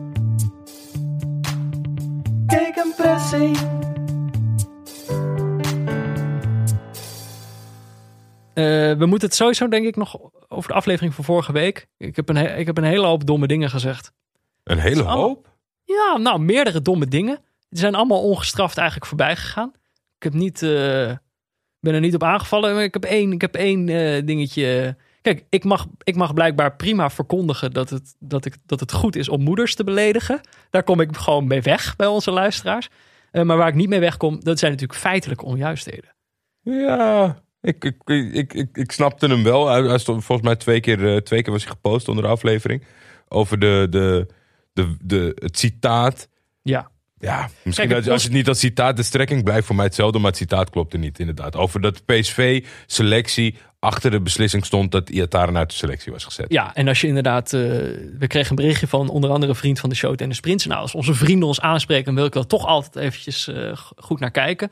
Dat inderdaad, dat niet in de verklaring staat dat die verklaring ook afkomstig is of goedgekeurd is door de selectie. Staat alleen in die verklaring dat die selectie Ihataren geprobeerd heeft te helpen. Ze hebben hem kansen geboden om een eh, volledige prof te worden en hij heeft die kansen niet gegrepen.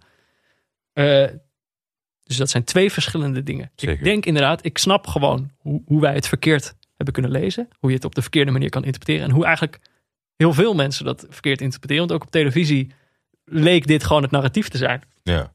Totdat Dumfries er toch ook zelf eventjes naar gevraagd werd na de wedstrijd eh, tegen Fortuna. Van hoe zit dat nou precies? Was natuurlijk ook een rare situatie. Want Ihataren was opeens wel weer prof. Toch? Hij had opeens weer bewezen dat hij wel bij de selectie mocht zitten. Daarom kon ik niet zo heel veel, zeg maar, ik- wat we verkeerd zeggen moeten we, moeten we rechtzetten. Maar ik, ik, ik snap er helemaal niks van, Peter. Ik snap er echt helemaal Wat is er van. gebeurd dat hij weer terug mag? Waarom, Zo of hoe erg was het dan? Je gaat een statement naar buiten brengen tijdens een topduel waarvan je weet dat het zoveel aandacht gaat genereren en alleen maar eigenlijk negatief kan uitpakken voor de betrokkenen. Om vervolgens de volgende week te zeggen, nou, hij zit er gewoon weer bij. Nou, dat, ik schiet mij maar lekker hoor. Ik, ik snap daar echt helemaal niks van. Als je het zo... voelt als een soort, eh, alsof ze een soort trucje hebben uitgehaald om hem even een tik uit te delen.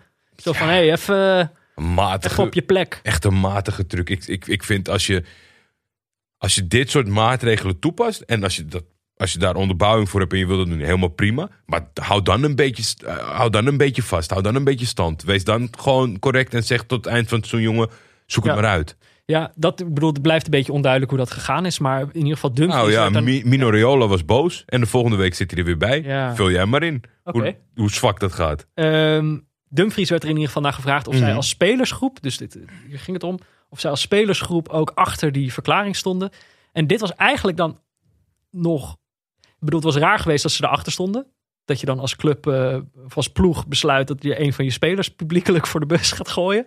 Ehm, maar hij verklaarde dus dat ze helemaal niet wisten dat dit naar buiten gebracht zou worden. Nou, is, is hij ook nog eens de aanvoerder, die dat Ja. dus niet weet. Dat vind ik eigenlijk nog raarder. Dat, ze niet, dat de club niet eens tegen je zegt van, tegen de aanvoerder van... hé, hey, we, gaan, eh, we gaan dat talent eventjes voor de, voor de bus donderen. Dus het is eigenlijk, Het, eh, zijn, het het, blijft zijn, een eh, vreemde situatie. het zijn echt niet, niet de beste PSV-weken. We zijn daar met plezier langs geweest. Maar dit, dit gaat toch wel op coachingsniveau, op communicatief niveau, op, op eh, opvoedingsniveau. Het, het, het, is, het gaat gewoon even niet lekker. Het kan gemoedelijker. Er moet, er moet even een grote reset plaatsvinden. En Misschien is het ook wel gewoon... Ja, voor die gemoedelijkheid moet je ook gewoon een pilsie kunnen drinken. Of een kopje koffie, elkaar op de arm slaan. Misschien is Brabant eh, niet geschikt voor corona. Oh, nee. Minder geschikt. Oh, nee, dat zeker niet. dat zeker niet. Eh, dan zijn we toe aan het gecrowdsourced onderdeel van onze aflevering. Onze vrienden van de show mogen namelijk namen in ons script zetten. Namenbleden. En eh, ja, dan moeten wij vervolgens raden waarom die in ons script staan. Heel Even kijken, heb jij alweer wat namen gevonden, Jordi? Ja, ik heb eh, van, van de 40 eh, ken ik er 39, dus dat moet goed komen. Ja, ik wil wel beginnen met eh, Paolo Ottavio. Ja, oh ja, daar moeten we eigenlijk gewoon mee beginnen. Paolo Ottavio, die... Heeft iedereen wel gezien. Arnoud heeft deze op de lijst gezet. ja, Wil jij vertellen En, wat, wat, deze, wat deze jongen gedaan heeft? Ja, wat moeilijk is bij onze vrienden is dat dan die andere zet dan de spits. Ja, Daboer. Ja. Is door kieskikker erop. Oké, ja, je bent zo, hoe zie je dat altijd zo snel? Ik zit allemaal aan het scrollen. Notitietjes. Maak eens mijn Eh. eigen notities. Hoffenheim, Wolfsburg. Het staat 2-1 voor Hoffenheim. Mhm. We zitten diep in de blessuretijd. De keeper van Wolfsburg is mee naar voren. Ja, Eh, Altijd leuk. Daboer ontsnapt. Gaat af eigenlijk richting eh, de 3-1 die hij zo binnen kan tikken. leeg doel. Leeg keeper, doel. keeper rent achter hem aan. De keeper rent achter hem aan. En Paulo Ottavio rent achter hem aan. Keeper die maakt op een gegeven moment bewust de beslissing. Ik ga hem niet neerhalen. Laat maar. Ja. Maar Paulo Ottavio denkt daar heel anders over. En ik, nou, die, die zet een zaag in. Ik zag volgens mij bij Jeroen Elsof een, een, een screenshot van het moment dat hij met twee benen... in- normaal. Het is echt, echt gigantisch. En Het is echt een zaag van achter. gigantische zaag. Eh, We kunnen ik, erom ik, kan, lachen. ik kan Oh. die niet, ik kan die niet eh, eh, heel schijnijdig gaan doen. Dat het een schandalige aanstaat. Ik, ik, ik, ik hou er wel van optisch hoe dat eruit ziet. Ik hoop dan dat er niks gebeurt met die spits. Maar Nee, dat is waarom, waarom je erom kan lachen. Is dat Daboer niet geblesseerd raakt. Nee, precies. Maar het staat, hij staat 2-1 achter. Ja, wat probeer is- je- ja. Ik snap het niet. Het is net zoals die beslissing. van- Weet je, is dit bij 1-1? Dan is dit de jongen waardoor ik naar de webshop ga. Dat ik een shirt koop met Otavio Ja. achterop. Ja. Maar bij 2-1 achter. Ik, misschien wil hij gewoon de aankomende weken niet spelen, Peter. Nou, ik vond dat hij, hij deed nog meer fout. Want hij weet gewoon natuurlijk meteen dat hij rood gaat krijgen. De.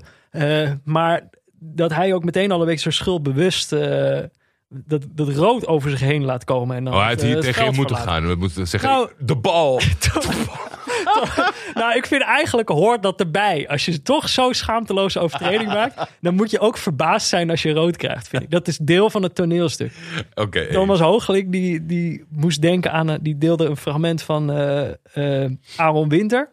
Ja. die, eh, die een vergelijkbare overtreding maakt. Eh, het is me even ontschoten tegen wie. Maar dit is, dat is ook gewoon glashelder rood. Weet je wel, gewoon niet echt aan iemands shirtje hangen, maar gewoon aan iemand gaan ha- hangen terwijl die doorgebroken is. Met als enige reden om hem neer te halen. En dat die vervolgens echt zo, weet je wel, die gaat gewoon klaarstaan van oké, we gaan weer verder met de wedstrijd. En dan ook echt een beetje verbaasd van, oh, oh rood. ja. Terwijl er was gewoon geen twijfel. Dat vind ik beter, dat hoort, dat hoort erbij. Het, het meest bizarre wat ik in, in, die, in, die situatie ooit heb gezien. En dat is dus zeg maar niet om te lachen, omdat het niet met zonder gevolgen was. Witzel die brak het been van Wasilewski. Ja. In, eh, dat was toen de standaard Anderleg was echt, echt, een gigantische strijd. En die jongen, zijn been was gebroken op het veld in het zicht van iedereen. En Witsel ging zich beklagen over die rode kaart. Ja, nou, dat, Nou, maar dat, dat is natuurlijk ook uiteindelijk wat Otavio ook fout heeft gedaan. Is dat hij deze tackle... Je kan die gast ook op een andere manier neerhalen. Ja, dat, ik daar kwam hij niet meer bij. Daarom moest hij springen. Want hij moest echt zeg maar de hinkstap sprong. Ja, maar ook dat kun je doen eh, op een manier waarop je de kans op blessures laag houdt. Ik vond eigenlijk dat het risico op, eh, op Risico te beenbreuk was te, was te hoog. Ja, dat, hij was ook woest, die spit. Ja, Terecht. terecht. Maar er is denk ik is iets aan de hand bij Wolfsburg. Want Mr. Cho heeft Wout Weghorst bij ons op de lijst gezet. En die heeft na de wedstrijd ruzie gekregen met de journalist van Sky Sports. Omdat, omdat hij zich... Nee hè? Zo- Nee, sympathiek jongen. Omdat hij suggereerde dat, eh, dat ze in een dipje zaten. Ze hebben, ze hebben één eh, bekerwedstrijd verloren en dan nu deze wedstrijd verloren. Oh, ja, ja, ja. Eh, Voorbij zien komen. Maar toen was de suggestie van, hm, gaat het even wat minder bij Wolfsburg? Terwijl ze natuurlijk een hele goede fase achter de rug hebben gehad. Ze doen het sowieso hartstikke goed dit seizoen. wel lekker om zo Ja, hij tegen, werd ge- tegen zo'n geïrriteerde gast te vragen. Kunnen jullie, kunnen jullie omgaan met tegenslag? Hoi, bek! nou, niet echt dus. Ze, kunnen, Nee. ze- maar ze staan gewoon derde. Het is een fantastisch seizoen en ze zijn helemaal geflipt dit weekend. Ik vind het wel altijd wel een beetje leuk als een speler opeens uit het narratief stapt en zich keert tegen de journalist. Dat vind ik altijd wel leuk. Dat, is niet, dat je niet zomaar meelult. Dat je zegt, hoezo dipje? Ja, Twee keer, doe even normaal man. maar dat Eh, kan je ook, dat kan je ook leuk vertellen, Precies, zeg maar. dus er- borrelt iets. Ah, misschien, dat zou nog kunnen, hè, dat die, dat die trainer heel hoog inzet op, op, eh, op emoties, zeg maar. Dat het echt een motivator is en dat die jongens gewoon helemaal, Helemaal geflipt zijn. Dat zo'n Otavio, het maakt niet uit als je 2 in achter staat. Als je 2 in achter staat, mag geen 3-1 worden. Ja, misschien. Eh, Oké, dan hebben we die, die naam gehad. Ik wilde dan toch even Glenn Templin. Glenn Templin. Is Ja? door Rijn erop gezet. Ken jij eh, nog... Heb je ooit iets gezien van The Only Way is Essex? Ooit iets van meegekregen? Nee, nee, Ja, Het is nee. natuurlijk een fase in ons leven waarin, waarin de reality shows Ja, gebaseerd op, eh, op regio's ons om de oren vlogen. Dus je had Jersey Shore gehad, Jordy Shore. Geordie Shore, eh O.O. Garceau was natuurlijk de Nederlandse variant daarvan. Ja, Ja. en eh, het idee is altijd een beetje, je moet het accent kunnen horen. Ja. Die mensen moeten een zekere... Nou, je had, hem ook, je had er ook eentje met Brabant kunnen doen. Laten we het zo zeggen. The Only Way is Essex was er ook eentje. En ja, dat zijn gewoon... Het was weer een iets andere categorie dan, dan Geordie Shore, maar een beetje wel hetzelfde. Die Britten hebben toch een andere manier van onaangepastheid dan Zeker. de Amerikaanse voorbeelden bij, bij Jersey Shore. Dus dat het... eh, ze dragen iets, iets strakkere kleding in mijn, in mijn voorstelling. Iets meer tatoeages misschien ook wel. Iets meer Oh, sportschool. iets meer gel. Ja. Ehm, Oké, dit beeld zit nu in jouw hoofd. Glenn Tem- Templin is zo'n soort gast. En hij koopt dan, hij is, maar hij is ook miljonair, niet via de reality maar zo ziet hij eruit. En hij is dan eigenaar geweest van verschillende voetbalclubs. Dus in Ja. eerste instantie van Billericay.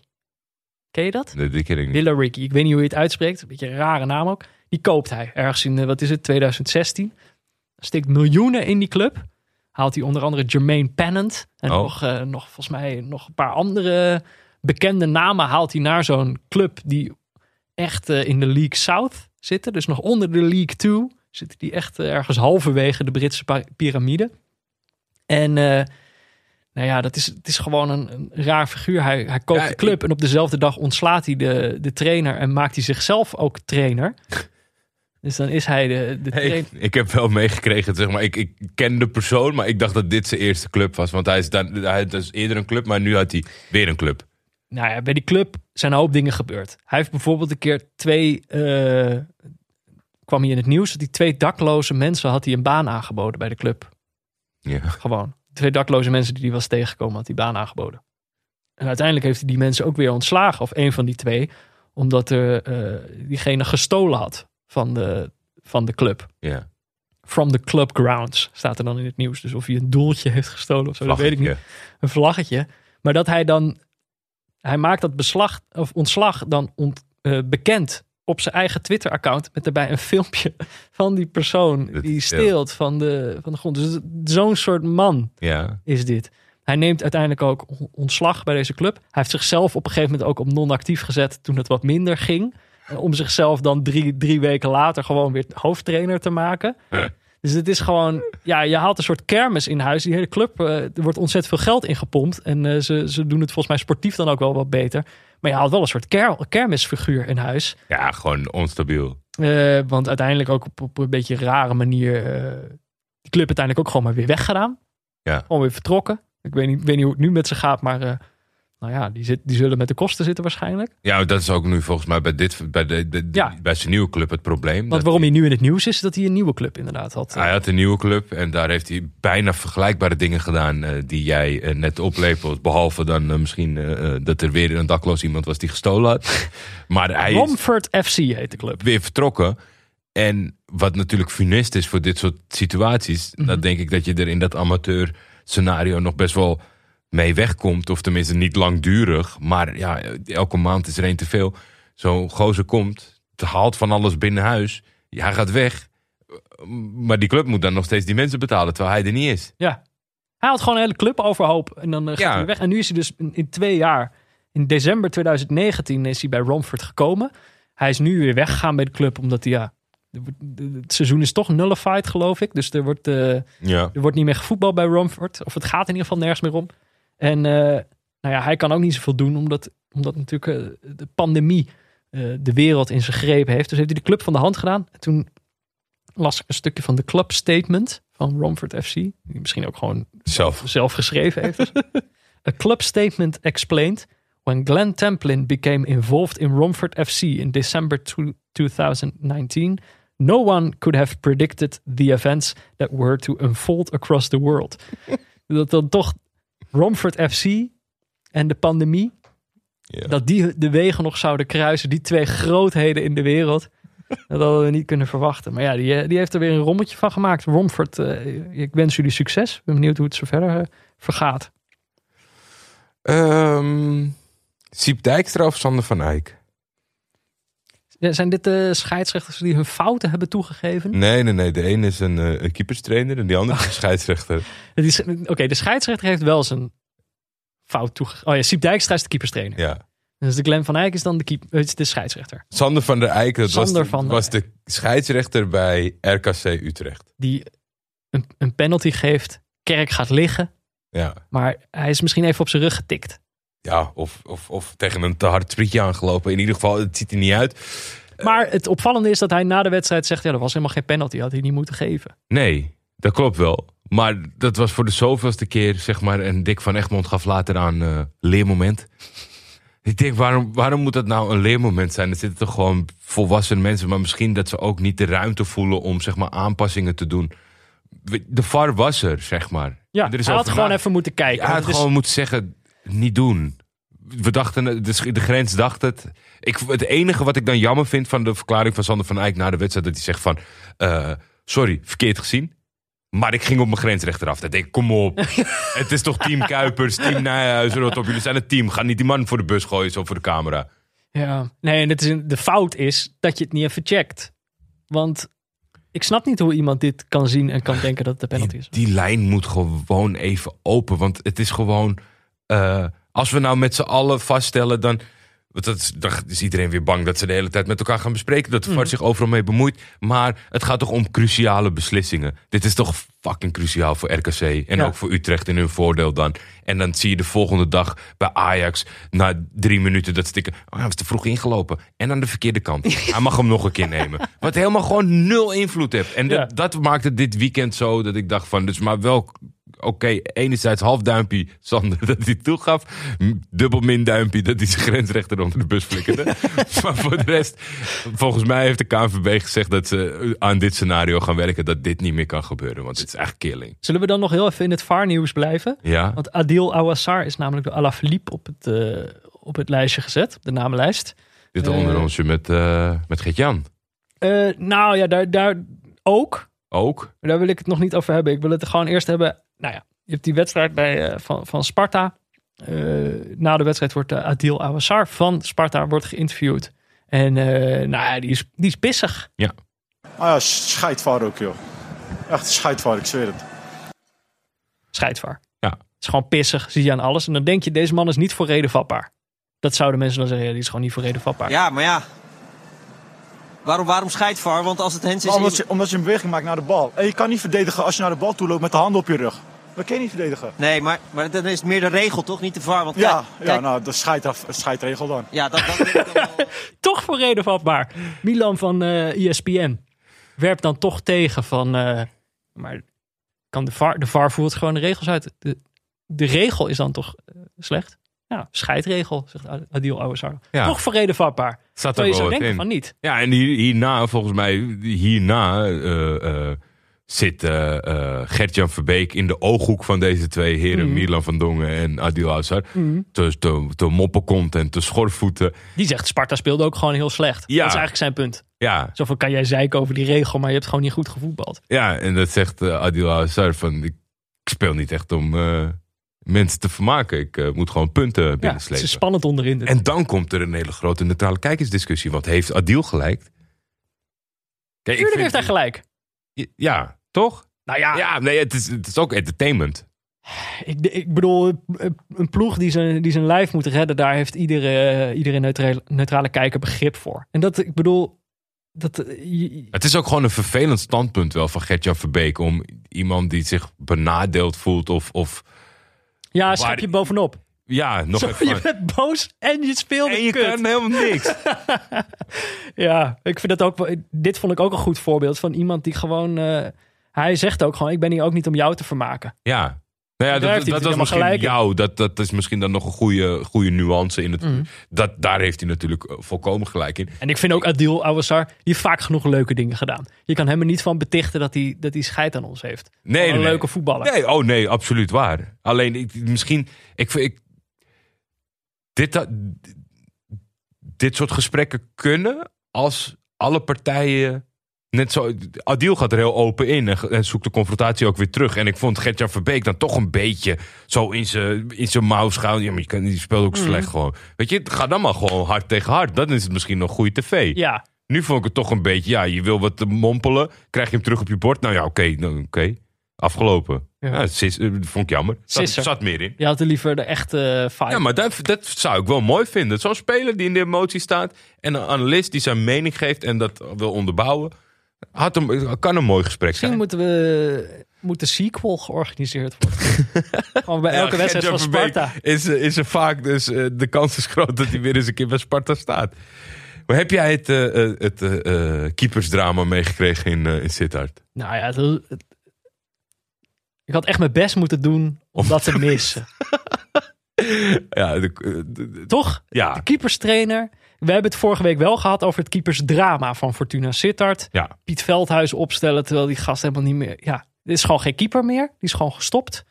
Eh, en dat kreeg nog een, eh, een staartje. ja, een enorm staartje. Namelijk dat het heeft geleid tot het vertrek van de keeperstrainer. Het was zo dat eh, in de dagen daarop op een gegeven moment er een bepaalde discussie is gekomen, oneens zijn geworden. En op het moment eigenlijk dat ze hebben besloten om, om de eh, keeperstrainer eh, per direct eh, eh, uit dienst te laten treden. Of, of een andere functie te geven binnen de organisatie. In ieder geval niet meer bij het eerste. Eh, dat heeft hij niet lekker opgenomen. Dat is Siep nee, is Dijkstra. niet heel... eh, Siep heeft de telefoon heel- gepakt. Die heeft eh, alle, alle nummers uit de Rolodex eh, gepakt.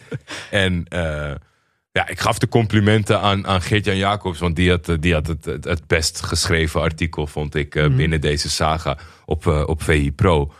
Maar het is, het is wel een kwaliteit. Kijk, ik, ik moet wel enige nuance aanbrengen. Het artikel bezit geen enkele vorm van hoor en wederhoor.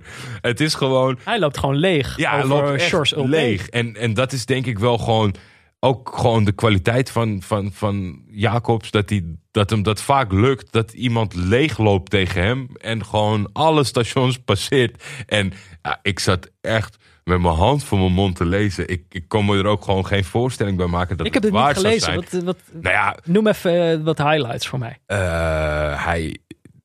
Laten we vooropstellen dat hij eh, bijzonder kundig in zijn, in zijn vak is. En dat het schande is dat dat eh, niet wordt, ge- eh, wordt gezien door de technische staf. Hij heeft een andere speler aangedragen die veel beter was dan Piet Veldhuizen. Oh ja, dit was een Oostenrijkse naam. Ja, dat was een speler van 6,27 die transfervrij was. Die nergens echt onder contract heeft gestaan. Iemand, eh, een, een vriend van de show, heeft hem door Y-Scout gehaald. Die, be- die betwijfelt of deze jongen, als het verhaal waar het is, wel een keeper of het een keeper is. Ja. Zo erg was het. Ja. En eh, nou ja, toen begon het over dat de keepers binnen de selecties... moest hij natuurlijk even bellen over het feit dat hij op non-actief was gesteld. Nou, die konden de aankomende dagen niet slapen van dit nieuws. Want dat was er ingehakt bij een bom. ja, ja. En ja, dat is... Weet je, dat is... Dan verlies je jezelf zo in... In, in, in je woede misschien of wat dan ook. Dat, het, Mhm. dat eigenlijk iedereen tussen de regels al kan lezen dat het helemaal niet waar is. Maar het was, Ja, echt- dat iemand zich een beetje aan het overschreeuwen is. ja, het was magistraal. Dat is inderdaad, als je, als je dat goed kan opschrijven, Ja, als je dat gevoel kan overbrengen, dat is wel knap. En ik had zelf inderdaad de zin, daar zit het eigenlijk ook al een beetje in, het citaat eh, over Shores Ulte, dus de, de trainer van Fortuna met wie het conflict toch eigenlijk plaatsgevonden lijkt te hebben. Eh, dat hij dan zegt, zo zie je maar wat succes met iemand kan doen. ja. Ik zo'n geweldige zin. Want ja, Shores Ulte, ik weet niet of hij zichzelf nou al... al ik bedoel, het gaat natuurlijk echt goed met Fortuna. Ja, acht wedstrijden gewonnen. Ja, precies. Het gaat beter dan verwacht. Maar ik weet niet of hij zichzelf al succesvol zou noemen, zeg maar. Ik Laat staan me- dat andere mensen het doen. Het lijkt me sterk dat George deze houding en attitude naar mensen is veranderd. Naarmate Ja, van toch? acht overwinningen in de Eredivisie. Ja, een geweldige zin. Ja, het was, eh, het was fenomenaal. Eh, maar ja, wel sneu.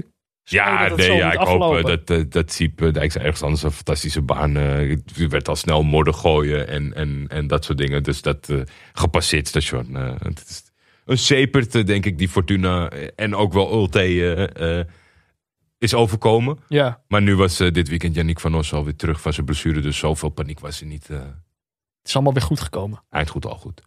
Eh, ik had nog de naam Jens Torenstra.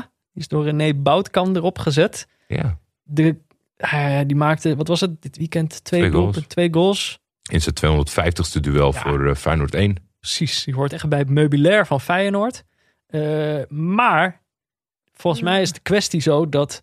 Kijk, Slot heeft al gesproken met Berghuis. Slot is natuurlijk de trainer van het komende seizoen. Feyenoord is iedereen eigenlijk al bezig met het volgende seizoen. Ja, Omdat het huidige misschien niet zo eh, eh, enthousiasmerend is. Maar eh, niemand heeft nog met Torenstra gesproken over wat hij volgend seizoen moet gaan doen. Er zijn- schijnen ook wel wat tactische redenen te zijn waarom de toekomst voor Torenstra niet heel zonnig is. Dat Slot met een double pivot speelt. Nou, dus hij daar nog maar eens Toornstra in te passen. Ehm, terwijl hij dit seizoen natuurlijk gewoon echt weer, weer goed doet. Eh, en niemand heeft met hem gepraat. En ik denk, de beste manier om te omschrijven wat voor speler Toornstra is. Nou, ik denk dat we het beste aan hem zelf kunnen vragen. Hij zit hier al de hele uitzending naast ons. nee, ik wou zeggen dat, eh, eh, dat wij, als we klaar stonden met ons voetbalteam, toen ik nog in een voetbalteam zat, Ja. dat je dan soms op zaterdag bij het veld kwam en je tegenstander zag. En dan zei Mees, een teamgenoot van mij, verdediger, die, eh, die zei dan een keer van, eh, we moeten gewoon tegen elf Torenstra's vandaag. En dan weet je gewoon dat het gewoon een rotdag wordt. Ja. Weet je wel? Het zijn geen eh, pingelaars. Het zijn Zeker geen niet. gasten die jou een vervelende dag gaan bezorgen omdat ze je tien keer door de benen spelen. Of iets vinden van je moeder. Het is gewoon, die, gasten zijn gewoon onvermoeibaar. Ze gaan gewoon niet stoppen met rennen. Ze zijn fitter dan jij. Ze, ze willen het liever dan jij. Ze nemen betere beslissingen dan jij. Dan heb je gewoon een kutdag als je tegen Elf Torenstra speelt. Ik denk gewoon, ja, bij Feyenoord. Praat gewoon even met die jongen. Want je kan hem er maar beter bij hebben, denk ik. Ja, en dat is ook uiteindelijk toch altijd de conclusie met hem. Alleen het is toch gewoon. eh, en dat vind ik ergens wel mooi. Dat, dat soms heb je bij spelers met niet al te veel flair of niet al te grote mond. dat ze zich proberen aan te passen. En dat kan heel Dat ze verkeerd, gaan overschreeuwen. heel verkeerd uitpakken, inderdaad. En hij heeft daar, eh, voelt daar geen enkele noodzaak toe. Het is natuurlijk wel gewoon zo dat het, dat het daarop neerkomt dat je dan elke keer maar weer de klos bent. Dat je op de bank eh, belandt op het moment dat er meer, dan, meer keuzes zijn dan jij alleen. Mhm. Dat is hem ook vaak overkomen. En dan roert hij zich ook niet. En als hij weer nodig is, dan staat hij er weer. Het is een beetje toch wel een parallel te leggen. Ze denken dat ze hem niet eens hoeven te met- bellen. Nee. Kom wel goed, joh. Is er wel. Waar gaat hij heen dan? Die is er gewoon, eh, als het contract is afgelopen, die maandag erop, staat hij gewoon op het trainingsveld. Nee, maar dat is gewoon. Als daar een mooie Bundesliga-club uit, de- uit de onderste regionen voor komt, voor een jaartje, kan dat toch gewoon? Ja, die kans is er. Die, gewoon. die kans was er ooit. Ik weet niet of dat, eh, of dat een, het- zou er zeker nog moeten, moeten zijn, die kans. Alleen, ja, ik vind het zo moeilijk wat ervan vinden. Ik, ik kan ook geen. Hoeft niet hoor. Ik kan geen gevoel, ik kan geen gevoel bij Jens Toornstra Nee. krijgen. Dat is het probleem. Ja, Dat is zijn grote probleem. Ik denk dat Arne Slot oprecht eh, er nog niet aan heeft gedacht. Oh, en shit. misschien dat hij nu luistert en denkt: Fuck! Jens moet niet kwijt. Ehm, ja, ik ben, ik ben eigenlijk door de namen heen. Ik wil er nog wel een paar noemen hoor. Van eh, Bertje. Bertje heeft eh, Johan Bay ja, gezet. vond Dit ik is de Franse amateur. één punt jammer wat ik niet heb kunnen achterhalen. Omdat ik, ja, ik spreek geen Frans. Johan Bay maakt de winnende goal van de amateurs die gisteren Marseille in de beker hebben verslagen. Ja. En die doet daarna het dansje van Moise Kean. Oh, Nadat hij gescoord heeft. Alleen, er waren allemaal Fransen met, met lach-emojis en huil-emojis van... eh, oh, kijk wat hij doet. ja. Maar ik Niemand weet, die het uitlegt. ik weet niet wat Moise heeft gedaan richting Marseille. Behalve dat, eh, dat Paris en Marseille elkaar natuurlijk niet liggen. Misschien was dat het wel gewoon hoor. Dat hij een Paris Saint-Germain supporter is. Ja, zou kunnen. Even kijken, ik wil toch ook nog eventjes Juan Laporta. Die is, die is erop gezet. Gefeliciteerd. Eh, gefeliciteerd met je presidentschap van eh, Barcelona. Marcel had hij erop gezet. is toch uh, vri- Marcel. Vriendelijk dat hij, eh, dat hij daar toch even aan denkt. Eh, ik wil nog wel even Het is aandacht wel echt een geven rare, aan... eh, is wel een rare cult, hè? wie? Barcelona. Ook nog Marshall. Nee, echt, echt, het is gewoon een cult. Ja, Het is de beste manier om het te begrijpen. dat is Die schitterend. overwinningsspeech en hoe er dan over Messi gesproken wordt. Maar gewoon, maar echt hè. Club zit natuurlijk altijd wel een beetje op de randje van, de, van, van, zijn een, van een cult. van een cult. maar dit is gewoon echt Scientology level. Mensen zijn allemaal knettergek geworden. Komt gewoon nooit meer goed met die club. Ik moet je heel eerlijk zeggen dat ik dat... Weet je, ik, ik, ik, ik, ik kan prima zonder, merk ik. Dus het is, het, het is bij mij in de tijdlijn misschien... Het was volgens mij s'avonds later, die uitkomst... Heb ik niet meer gekeken. En eh, dan ga ik het ook niet terug opzoeken. Ik, eh, ik gun Komt het keer allerbeste. komt een hele maffe Netflix documentaire over. Geloof ik. Vast wel. De vouw, de vouw maar dan met, eh, met Barcelona. En Niels, Niels 1, had eh, eh, Jimmy Floyd Hasselbank erop gezet. En dat vond ik heel leuk. En eh, die is terug in Engeland als trainer. Ze volgens mij heel kortstondig hier geprobeerd als, eh, als, als of geprobeerd, eh, was analist. moest een beetje zijn draai nog vinden. Maar is terug bij Burton Albion, heeft hij al een keer gezeten. Bijzonder succesvol van start gegaan. Ze zaten echt in zwaar weer. Zijn nu, nou ja, in Engeland ben je nooit veilig. Maar het ziet er, het ziet er echt goed uit. Mooi. Hele mooie resultaten. En toevallig vanmiddag met het kijken naar de beelden van Promes. Afgelopen weken, het stond ook een paar keer eh, in, in het, op, op de namenlijst. En is niet altijd eh, eh, naar voren gekomen met Zeedorf en Mario Melchiot. Die zich hadden uitgesproken over Gebrek aan zwarte gebrek aan trainer. zwarte trainers. En bij het kijken naar eh, Promes zag ik dat Tedesco trainer was. Domenico Tedesco. Ja. En die is daar eh, door, de, door, de, door de jeugd eh, gegaan in Duitsland bij, bij clubs die eh, hoog aangeschreven staan. Is toen heel even bij Erzgebirge Aue gaan trainen. Mhm. Maakte verpletterende indruk. Niet zo, niet zo'n hele lange periode. Mhm. Kreeg dan bijvoorbeeld een Schalke. Gaat finaal mis Ja, heeft hij helemaal naar de kloten geholpen. krijgt nu gewoon een CSKA. Nou zeg ik niet Spartak. dat ik zou... of Spartak Moskou. Mhm. Weet je, dat is toch gewoon een gigantisch mooi cv. En toch door een heel klein beetje reputatiebouw... hoe dat gemiddeld gaat, zeg maar, met een trainer in het moderne voetbal. Ja, we hadden het er vorige week ook over. Van je kan op een gegeven moment kom je op een soort level dat, dat, Ja. je, dat je nooit meer afgeschreven wordt. Dan mag je het maar blijven Ga proberen. je daar, ga je daar, ga je daar. En dan valt er nog wel wat meer te zeggen voor een Tuchel. Al vond ik dat Chelsea heel snel erin dook. Mhm. Dan voor bijvoorbeeld zo'n Tedesco. En als je dat dan er tegen, tegen afschuift. Want ze hebben een soort vanzelfde begintraject. Nou ja, die denkt toch niet dat er een club ergens in de Europese grote landen denkt... Nou, zullen Jimmy Floyd Hasselbank een keer bellen. Terwijl, eh, hoe moet hij het dan gaan doen? Ja. Hij zit nu voor de tweede keer bij het Engelse Erzgebirge Auge. Dan moet toch een keer iemand eh, instappen, dat zou Ja. je zeggen. Nou, en je zou ook zeggen dat hij in, in Engeland, dat zijn reputatie, zeg maar, ik bedoel, alle, alle, allerlei oud-voetballers uit zijn generatie mogen het proberen. Ja, Dan mag hij toch ook wel een keer. ja. Mag je het dan verprutsen? Ja. bedoel, dat kan ook. Maar ja, ja nee, ik bedoel, dat... eh, wijs ze maar eens aan, toch? Dat is toch het eh, be- bewijs van dat argument. Ik vind het zo raar dat het discussie is. Wijs de zwarte hoofdtrainers maar eens aan. ja. No- Noem ze maar eens op. Zet het eens weg tegen het aantal zwarte spelers. Ja, Kijken of het klopt. even kijken of dat wel helemaal in balans is allemaal. Nee, ja, dus daar is eh, sowieso wat aan de hand. Luigi Sartor vond ik wel grappig, maar dat was volgens mij oud nieuws dat misschien opnieuw in de tijdlijn was gekomen. Dat is een voormalige verdediger in het Italiaans voetbal. Eh, bekendheid eh, bij Roma. Is zelfs Eh. international geweest. Ja, cannabis dealer. Ja, Ja, kan. Carrière switch, nou jongens. kan, zeg jij. Hij is ervoor opgepakt. Sommige landen kan dat natuurlijk niet.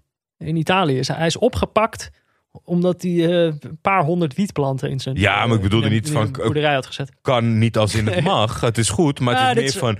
Die jongen is gestopt met voetbal. Sommige jongens, Hij gaat wat anders doen. ja. sommige jongens gaan de trainersopleiding doen. Eh, ja, Who are we to judge? precies. nou ja, wij, wij, wij zouden hem vrijpleiten, denk ik. Nou, maar- een beetje wiet. eh, mag Marek wel. Hamziek naar Göteborg. What the fuck is dat?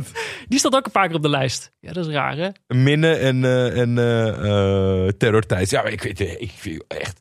Ik, snap, ik, ik had laatst bij Jimmy al half gelezen en kreeg meer berichten erover dat die- eh, China-bubbel is een beetje ontploft. Ja, Dat, eh, dat er is één klaar. club is ermee gekapt. Moest ik wel lachen. De kampioen bestaat niet meer. Nee, maar dan... Ik zat op de transfermarkt vanmiddag om even toch te kijken of er een toppie of floppy was. Quintero, prachtige voetballer. Mhm. Toch een beetje pech aan zijn broek en, en een beetje karakterproblemen. Dus aan de ene kant weet je dat China is klaar. Wie gaat er een transfer maken van River Plate naar China? Quintero. Ja, loopt achter de, hoe zeg je dat? Achter de, achter de meute aan? Nee, hoe moet je dat nou zeggen? Ik weet het niet. Ja, in ieder geval, dat, dat, maar ik, ik, ik, eh, ik heb nog zitten zoeken of, of er wat was. Met de club Keutenborg. Ik zie dat hij teamgenoot wordt van Tobias Sana. Misschien dat dat, dat, dat hem over de streep Oh heeft getrokken. Ja, hij wil nog even fit worden voor het eh, aanstaande eindtoernooi. Ja. Ja, waarom miste Napoli dan uiteindelijk terechtkomt in Zweden? Ik heb geen flauw idee. Het, is, het was misschien net even te kort dag voor me om uit te pluizen. Ik ga, ik ga er zeker nog, Ik snap het nog eens naar kijken. Want Ja. het niveauverschil is groot, kan ik je vertellen. Ja. Ja, ik dacht eerst even dat het Helsingborg was. Dat was pas echt raar geweest. Nog wel Göteborg. Omdat hij dan in de tweede divisie terecht zou komen. Ja, ik bedoel, in die divi- Hamsik in die divisie is gewoon een raar idee. Nou ja, eh, ik ben wel door mijn namen heen. Ja. Eh, mocht je ook een naam op onze namenlijst willen zetten, dan kan dat natuurlijk als je vriend van de show bent. Dat kan dus via vriendvandeshow.nl slash neutrale kijkers. Er is dus een verschil, nogmaals, tussen het abonnementje en een donatie. Eh, en alleen bij het abonnementje krijg je de afleveringen. De bonusafleveringen. Dat Er zijn nog twee, twee mensen tijdens deze uitzending vriend van de show geworden. Dat Kijk. ze gewoon. Je boy Simon en Alex. Jeetje, het zijn er ook wel weer veel. Wacht, waar was ik nou gebleven? Vanaf waar moesten ze nou? Ja, ik denk vanaf hier. Even kijken. Terror Thijs, is net genoemd. Jan, Rubra Sport, Plaatjesmaker.png, een Minne, Marty van de Party, Volkert Bergsma, Lucas, Garincha 14, Bob, Graciano Pelle, Skiete Willy, Koen, Remco Koster, je boy Simon en inderdaad Alex. Dat waren ze. Gezellig zeg. Nou, kijk, Garintje 14 is dus voor ons wel een vriend. Maar voor het platform niet. Ja, maar als je dat wil oplossen, dan eh, Moet hij nog 29 euro storten. support at vriendvandeshow.nl. Want voor ons ben je wel een vriend inderdaad. Voor het platform niet. Je bent nog geen friend with benefits. Eh, nou, dan is er natuurlijk altijd helemaal onderaan de lijst nog één naam waar we heel even naar moeten kijken. José Mourinho. Als het goed gaat met Mourinho, is dat goed voor ons allemaal. Nou, we hebben de hoop op hem eigenlijk al een beetje opgegeven. Zeker. Eh, maar het gaat inmiddels wel weer redelijk. 4-1 gewonnen voor Crystal Palace. Komende donderdag speel- spelen ze tegen Dynamo Zagreb in de Europa League. Dus dan is het alweer zover. Eh, ja, maar eigenlijk is het natuurlijk gewoon zo. Ik zag ook, nou, er kwam een fragmentje voorbij. Word ik weer genoemd. Is hij weer grapjes aan het maken met, de met de interviewer. Zal ik het even laten horen? Ja hoor. that top four position. You know all the negative stats. you know all the It's negative there, stats. isn't it? You know? I have a challenge for you. Go on. How many matches Tottenham won away of home one year before I arrived? And how Oh. many matches Tottenham won away of home You tell me, since I Jose. arrived? I don't know. It's a challenge for you. Can I go? No, we'll have to look it up. But I'm. Can I go? vraagt hij dan. Nou ja, kijk, hij zit weer lekker te geinen. Eh, hij doet net alsof hij hier het antwoord niet op weet. Terwijl dit waarschijnlijk een van de statistieken is waar hij beter uitkomt. Nou, hij hoeft alleen maar in de mentions te kijken dat dat ook eh, daadwerkelijk zo is. Voordat hij kwam wonnen ze 32% van de uitwedstrijden. Sinds hij er is 43% van de uitwedstrijden. Dus het gaat ietsje beter. Maar ja, kijk, allemaal leuk en aardig. Dit is waarom we van hem houden. Dat hij een beetje geintjes zit te maken. En een beetje, een beetje een showtje aan het opvoeren is. Maar bij Tottenham moeten ze zich toch ook wel afvragen van waarom hebben wij hem ook alweer? Wat is nou eigenlijk de bedoeling van Mourinho als trainer hebben? Ja. Want toen ze hem aanstelden was denk ik het idee korte periode, één titel pakken. Want eigenlijk waren zij een club van de lange termijn. Weet je wel, eh, zorgvuldig spelers Mhm. eh, eh, selecteren, ergens naartoe werken. Poch was natuurlijk heel erg lang de leider van dat project.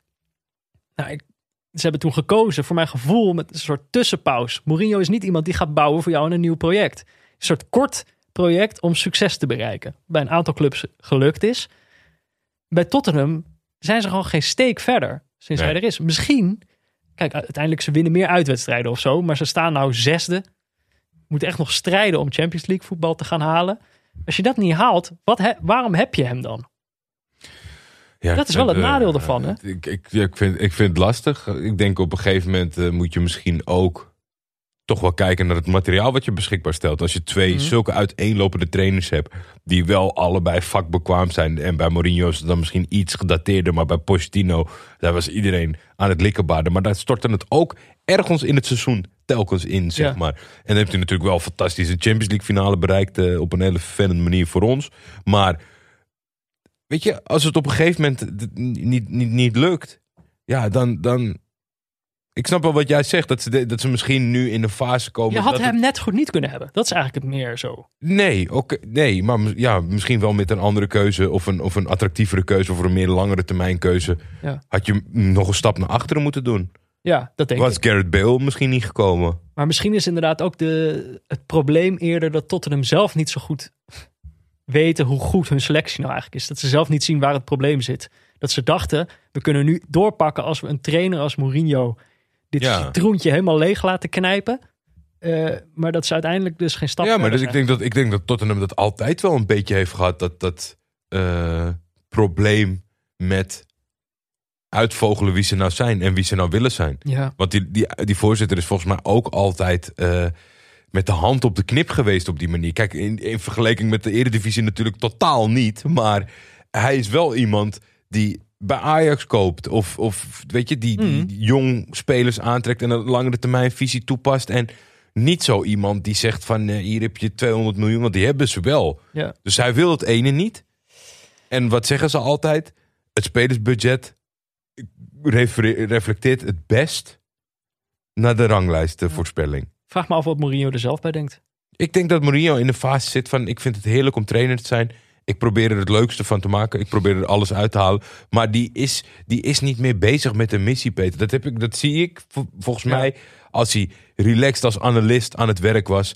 Hoe hij tegenwoordig die interviewtjes doet. Ik denk Ja. dat hij het wel prima vindt. En dan Het is is, vreselijk om te zien. denk ik als club wel verstandig om door te selecteren. Jammer. Misschien is het wel gewoon klaar. ja, einde tijdperk. Volgende week, even kijken. Nou ja, we hadden natuurlijk afgelopen weekend ook kunnen kijken naar eh, Bayern München tegen Dortmund. Was het leuker geweest, denk je? Je had wat meer over, over de wedstrijd kunnen vertellen. 4-2. Ja, Haaland, Lewandowski, Haaland, waren we daar. Eh, nu was het Suarez, Benzema. Ja, Ja. linksom, rechtsom, zes goals. City United, wel een leuke verrassing. Ja, 0-2 United. overwinning van United. Dat zag ik niet aankomen. We ook kunnen kijken. Was misschien ook wel leuker geweest. Dus nou ja, misschien kunnen we daar wat van leren. Volgende week, nou ja, onze vrienden van de show hebben allerlei verschillende ideeën Ja, over wat wij moeten gaan kijken. Ricardo Walinski zegt de Serie C. ja. Marco Veenstra zegt de Schotse competitie. Snobby Savage zegt MLS. Marty van der Party zegt de Bundesliga. Jos, die eh, kijkt alweer vooruit naar de Noorse competitie. Komt helemaal goed. Gaat in april beginnen, gaan wij echt een keertje kijken. En eh, Hein vraagt zich af of we toch maar weer eens moeten kijken naar Japan. Nou ja, gaan we allemaal niet doen. Want jij hebt de winnende pitch gekregen. Vertel maar. Nee, maar dit is net als, net als vorige week. Eh, dit blokje geldt voor de exclusieve update. Snap ik, maar dat maakt toch niet uit? Zwanse derby. Wij gaan volgende week de Zwanse derby kijken. Nee, dat ken ik niet. Maar ik heb al gezegd dat dat voor mij genoeg reden is om het te gaan doen.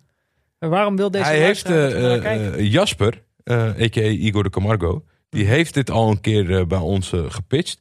Toen kwam het niet helemaal lekker uit. Maar, zegt hij, zaterdag 13 maart nemen Union en RWDM het nog eens tegen elkaar op. Om kwart voor negen in het Dudenpark. Hij, hij weet dat het zondagmiddag 12 uur heeft onze voorkeurpositie. Ja, maar het kan niet altijd. eh, Kan niet altijd zo uitkomen. Eh, Union is dit seizoen heel sterk. Alleen zegt het meer over de tegenstanders dan over Union, vindt hij, qua kwaliteitsniveau. mhm. Alleen, ze kunnen eh, kampioen spelen. En dan dit- zijn ze voor het eerst terug op het hoogste niveau sinds 1972, 73.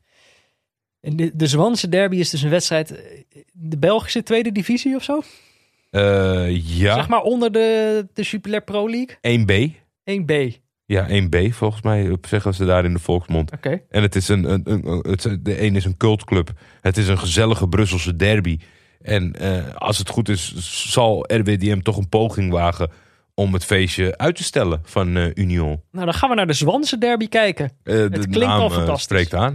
De Zwanse derby. Misschien moeten we, moeten we nog iets meer informatie inwinnen. Maar dat kan dus bij Igor de Camargo. Absoluut. Het is zijn pseudoniem. Hij voetbalde ook onder dat pseudoniem. Ehm, Nou ja, mocht je na deze aflevering denk ik wel toch wat van Atletico willen zien. Die hebben dus woensdag een heel belangrijke inhaalwedstrijd tegen Atletiek Bilbao. Real Madrid speelt volgende week zaterdag pas weer tegen Elche. Kan je daar naar kijken. Ehm, nou ja, voordat we afsluiten, Jordi, moeten we toch nog heel even kijken naar Portugal. Jij hebt eh, goed nieuws. Ik heb fantastisch nieuws. En ik wil het eigenlijk nog beter maken als mijn muis heel snel even meewerkt. Eh, ja, en dan ga ik naar beneden. Maar ze zijn nu aan het spelen. Ja, dat is elke Joi, keer met joi, tijdens die uitzending. joi, joi. Porto B heeft 1-1 gespeeld tegen Casapia. Hmm. En vanavond trapt Varzim af tegen Lijkshaus. En als zij winnen, Peter, staan zij op een veilige positie. Vorige week hebben zij namelijk, wij gaven een update tijdens de uitzending. Mhm. Toen stonden ze gelijk tegen de nummer 3, Academi- Academica. Mhm. Die hebben ze gewoon gewonnen nog met 1-2. Nou ja, Dus ik, eh, ik, ik voorspel toch nog eindgoed al goed. Omdat ja, nu heeft Porto B een puntje gesprokkeld. Maar die pakken niet veel punten. En als Varzim af en toe eh, eh, blijft verrassen. Dan moet het goed komen. Ik ga heel even kijken of Porto B voor de vijfde keer in vier wedstrijden rood heeft gepakt. Nee, dat is, dat is maar een ploeg. Die hebben elke week rood Porto B. En Farzim heeft natuurlijk in die wedstrijd die wij hebben gekeken. Ze hebben er een handje van om, eh, om op het laatste moment eh, weg te komen. Het is een wonderploeg. Dus eh, nou ja, we gaan het wonder meemaken. Ze hebben nog, even kijken, 1, 2, 3, 4, 5, 6, 7, 8, 9, 10, 11, 12 wedstrijden te gaan. Het zijn er Moet- genoeg. Het moet helemaal lukken. Meer dan genoeg. En Edgar Davids? Ja, slecht nieuws. Eh, Vakantie. die, eh, die hebben een maand vakantie gekregen van de bond. Ik weet wel dat eh, volgens mij door corona en, en allerlei omstandigheden is die ranglijst helemaal eh, Scheef, schots die, en eh, scheef. schots en scheef. Ja. Volgens mij zijn ze dat redelijk aan het recht trekken. Eh, het ziet er al niet de best uit. Ze zijn gezakt naar de derde plek inmiddels virtueel. Want die andere ploeg heeft heel veel inhaalwedstrijden volgens mij gewonnen. Mhm. Want die is echt uit, uit de, out of the blue gekomen. En die heeft nog steeds wedstrijden te goed ten opzichte van eh Olenesh. Maar, gaan zij eh, de play-offs van de Portugese derde divisie halen? Ja, de, de, de play-offs wel. De play-offs denk ik. Maar niet meer het kampioenschap. Nee, en dat is toch wel heel veilig. Want er- dat andere is een gigantische omweg. Ja, ik, eh, Maar ik denk nu heeft hij volgens mij voor het eerst een periode... dat hij de ploeg achter elkaar ter beschikking heeft. Na, hij kan die, het nu vormen. na, die peri- na deze periode denk ik dat de Davidsbal gaan zien. Gaat de ploeg kneden nu. Mhm. Deze vakantie goed gebruiken. Nou, ehm, dan zijn we er doorheen. Ja. Neutrale Kijkers is mede mogelijk gemaakt door Dag en Nacht Media. Hoofdsponsor op de borst is Auto.nl. Muziek is Tachanka van Leon Lischner en Friends. En een adaptatie daarvan van Studio Cloak. De gegenpressing jingle is van Laurens Collet. En de motivational talk was van Pieter Zwart. Eh, de artwork is van Barry Pirovano. Wil je meepraten? Dat kan. Je kan ons volgen op Twitter via @buurtvader of @defef. Eh, je kan ons mailen op neutralekijkers.gmail.com of je kan een berichtje sturen via vriendvandeshow.nl slash neutralekijkers. Eh, en je kan ons ook volgen op Instagram. Waarop wij toch eh, iedere week proberen om een mascotte van een van de twee ploegen op de pagina te zetten. En dat is, lukt bijna elke week. Toch? Het lukt ons bijna elke week. Om dat Ja, ja dat, dat linksom of rechtsom hebben ze altijd wel ooit een, eh, een mascottetje gehad. Eh, en verder, eh, hou afstand, blijf neutraal. En dan zijn we er volgende week weer. Tot dan, Jordi. Tot dan, Peter.